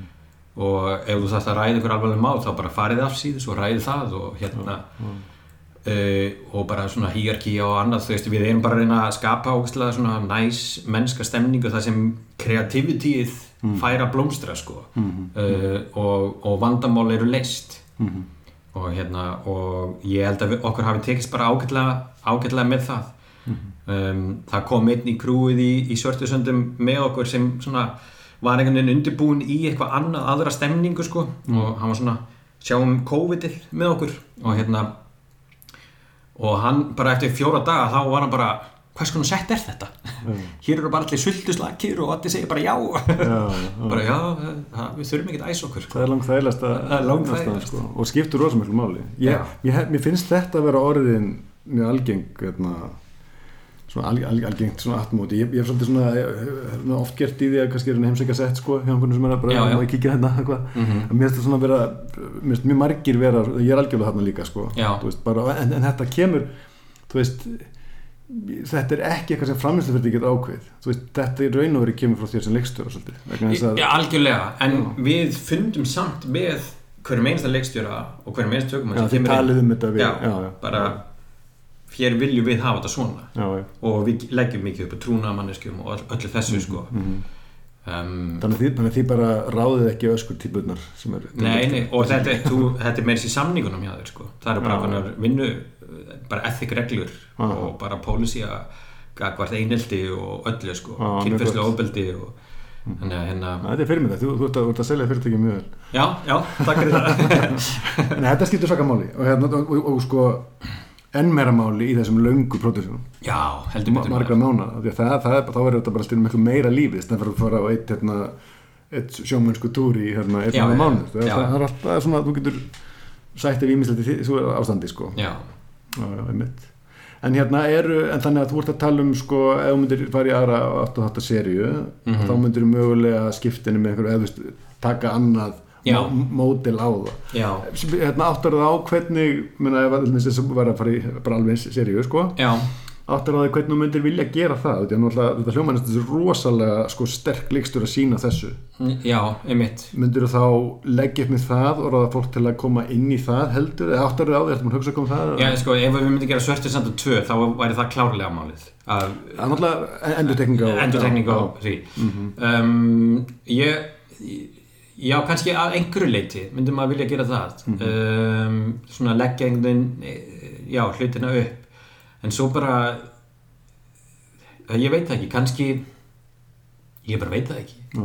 jú, þú veist allan við mín eigin verkefni sko. Uh, þá kannski myndi maður vilja taka eitthvað svona, já, þú veist, þetta er sínin Þannig þetta er það sem að er elendis sko, og breytar vinna með og, Já, og svona konceptleikstjóri. konceptleikstjóra og skandinaviðnir gerð það líka sko algjörlega, og, og það er, og ég unni einnig sér sem konceptleikstjóri sem var, veist, hérna, þá var bara öðruvísi ábyrð sko og, hérna, og þú átt að hérna, og, þú- ert meira í preppinu og allt þetta sko. Já, já, og, og líka en sko í því tilviki var alltaf áhugavert sko að ég hérna uh, tók eða sko þetta var á Ítalíu og ég tók að mér daldið að sko hann uppfæra hinleikstjóran Mhm. og en svo var hann líka náttúrulega hann var lokalmaður. Það var hann með alls konar access og dotari og hérna, upplýsingar sem ég hefði ekkert. Nei, nei, þannig að einmitt. var þetta rosa mikið samanverkefni sko. en það var bara sem var frábært sko. En það, er þetta konsept Mhm. og svo hef ég unni líka sem leikstjóri með með einmitt. Sem er, sem er reyndar alveg hérna, það, er gaman að fara inn í líka eitthvað, bó- eitthvað bóks sko. Og vinna inn í því. Já, ég langa kannski að spyrja þig hérna bara svona núna hefur unnið með mjög mikið með já, Jóa, Jó, Jóhanni Mána dögumanni, já, uh, þú mi- unnið með hérna Óla Arnalds og, Mhm. og, og svo eru náttúrulega, núna í fyrirtækinu með framlindum og svona sko. Uh, en svo er líka unnið með öðrum og allt þetta. Hvernig þú veist, ertu, sko, er það fyrir þetta eftir verkefnum eða fyrir þetta eftir eða þú veist, er það bara availability þannig að ég var ekki að lausa það og þá kom þessi eða eitthvað svona? Já, eða, veist, eða, veist, er þetta þú veist, er, ertu með automatíska ákvörðin í þessu eða er það nú bara ok, nú er þetta henverkefni þetta er niður að vera hvað hendar því? Eða, veist, hvernig er svona þetta fyrir þetta fram sko? Um, sko ég held svolítið að, að svona automatist að ég tali eh, kannski sérstaklega við Jóa fyrst. Um, en þú veist ég skaut serju til dæmis í fyrra með Ása og það var frábært og ég hef unnið áðum Ása og, og hérna mm, fyrir og hérna og það var bara eh, rosalega hressandi. Ef ég myndi gera season 2 af því þá myndi ég gera það líka með Ása. Já, já, og hérna og þeir, maður þeir veit eru báðir svona storytelling Já, tökumenn sko. já. já, mhm. Mjög þægilegir Ég- og svo hef ég unni með átna og besta og þetta er, þetta er náttúrulega bara allt Mhm. eh, indislegi menn og, og gaman að vinna með um, ég, en það er eitthvað svona veist, ég er til dæmis unni bara ef ég tala um bara smink og bún veist, þá er ég yfirleitt með sama fólki þar líka Mhm. og ég fann það rosalega mikið í þessu verkefni og leikmynd Gunni Páls og Marta Mhm. að hérna þetta er bara þetta er svo, þetta er svo óbóðslega þægilegt já, já. og því að það er engin sko, við erum ekkert við erum ekkert að festast inn í einhverju og taka sér líka smá á minna ábyrgð að við séum ekki bara alltaf innan einhver þægindaramma bara hérna já, já. Mhm. þannig að hérna Mhm. ég, og ég kem yðurlega með svona það sem allir rángfálu á augunum svona útópískar pælingar eitthvað svona sem hendir fólki í einhverja nýjar hugsanir og bara já ok ég, shit, djúðlega ætlar að ganga langt og eitthvað svona. Uh, en Það er svakalega mikilvægt Það er halda- það, sko. einhverju, einhverju fersleika einhverju ferskleika og, og, og hérna og, það, og ég gerir þú veist, það er kannski svolítið líka í handritsvinnunni að, að vinna með nýju fólki og, og ég hef verið mjög fjölbreyttur þar. Mhm. og hérna uh, og svo veit maður svo fer maður að kynna styrkleika og veikleika hvers og eins og þú veist þannig að ég er kannski með einhverju hugmynd og bara já, hann er örgulega góður í þetta með mér. Já, mhm. um, ég er í fyrsta sinna á æfinni eitthvað að fykta núna við bara að skrifa einn uh, alveg einn. Mm. uh, og það er ekki það að ég treysti mér ekki í það það er bara svo gaman að skrifa með einhverjum öðrum. Já, já, það er bara svo gott. Uh, Meinmannlegt að reyna að skrifa. já, það er það sko. Þannig að kannski ef að kemur þú veist, einhver ný múbilgja af þessari COVID að maður setjist þá bara niður og skrifi já. en hérna, Það er svo gott að geta bánsa hugmyndum sko. já, það sko. Það er ekki að gera slutinni hraðar. Já, já, ég, það, það er nefnilega málið og, og hérna uh, en ég held sko að að ég muni eh, ég mun klárlega áfram að vinna með þessu fólki svo lengi sem það er skemmtilegt og gefandi og krefjandi. Og hérna uh, og því að við erum bara einhvern veginn alltaf að stækka og þroska samstarfið. Já, já, já, og og minna, þetta er ekkert alltaf bara hérna einhver skautasýning hjá okkur sko, það er, það er alveg tekist á og, en allt svona á samt bara mjög eðlilegan hátt sko. Um, og ég held að ég fann það rosalega mikið í svörtusöndum sko að sko út af því að þetta- var uh, ég, ég bara treysti fólkinu svo mikið sem ég vinn með. Mhm. og ég veit að þetta fólk það gefur mér alltaf eitthvað sem svona betrar allar þessar hugmyndir sem maður er með. Að hérna og ég fann svolítið fyrir því til dæmis að það var hana eitt kvöldi þá var, voru við eitthvað að brjóta hausinum út, í öllum sem myrkurtökum út í náttúrunni bara. Hvernig ljúfið ljósorsi þarna inn og hvað þau að gera og eitthvað svona bla bla bla. og, hérna, og Jói kom til mín eitthvað svona herri, heldur við sé ekki með surprise fyrir því í kvöld? Mm. bara hvað, ekkert, bara ljósamennin sína þær í kvöld. Og eitthvað svona, og það var bara komin eitthvað svona spenna í lofti frá ljósadildin, þetta var svo skemmtilegt sko. Og hérna um, og þegar maður finnur þessa stemningu og, og fólk er einhvern veginn alltaf mætt, það var bara alltaf mætt í vinnuna og alltaf farið að vinna eiginlega áður en klukkan sló sko. Og bara þetta var þetta var hrikalega skemmtilegt. Ég veit að segja allir alltaf þetta var skemmtilegast verkefni sem ég gert. Já. en hérna en það var rosalega skemmtilegur andi í þessu verkefni. Um, en ég er með klárlega áfram að vinna með þessu fólki og, og, og það gæti alveg verið komið þú veist já, herðu ég ætla kannski bara að breyta til núna. Uh, en þá er það kannski bara út í að ég er að finna fyrir ykkur stöðunin ég, er svona, ég var smá hrættur eftir Lómir að falla þó við varum að gera alltaf þess að visual hluti og eitthvað svona, eða, það, það, það kannski var á góðum stað. En ég fann að ég var alltaf mér fannst þægilegt að gera Lómir að falla. Ég var ekkert eitthvað rosalega smeykur einhvern veginn hvert ég væri að fara með sinn og ég fann það eftir að bara herðu þetta var of nálegt sko, þetta? Var of safe. Mhm.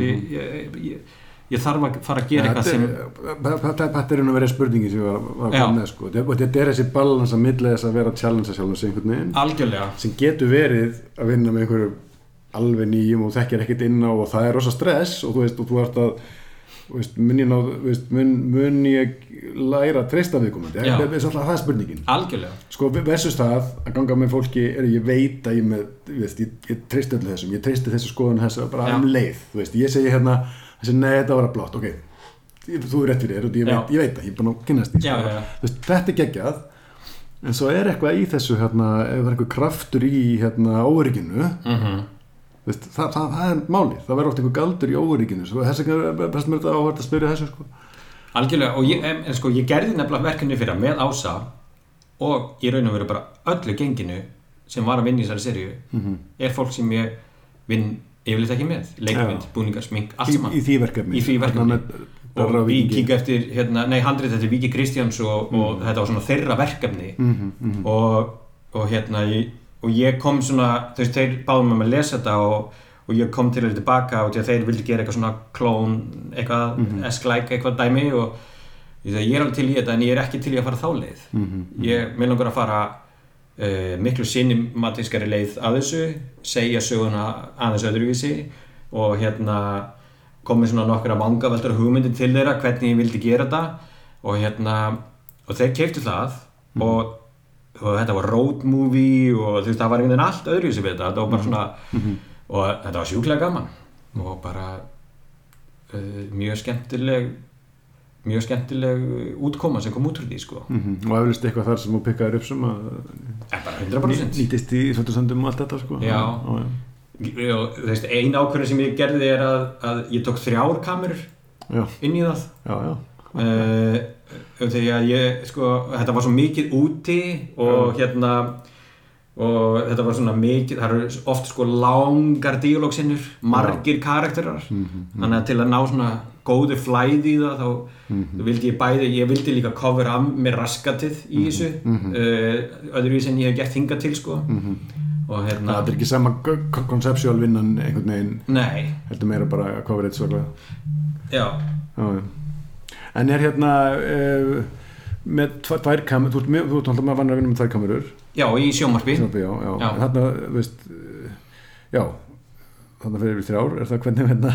Það- það var bara til að ná meiri Já, ég raun að vera sko. bara, meira efni og gera hljóðmannum lífið ömurlegt. Já, þetta er bara pe- persónlegt gegn hljómanum Já, allir það ekki. Uh, Ég er nú búin að vinna með honum alveg frá 2010 líka sko. Já. en hérna Átni Ben, já, Já, já. já. En það var svona alveg inn fórhend, ég sagði hann um það, veist, þetta er aðeins flóknara og hérna uh, en ok, það tókst vel til og, og ég, við ADR-uðum ekki eina einustu sinu í, Já.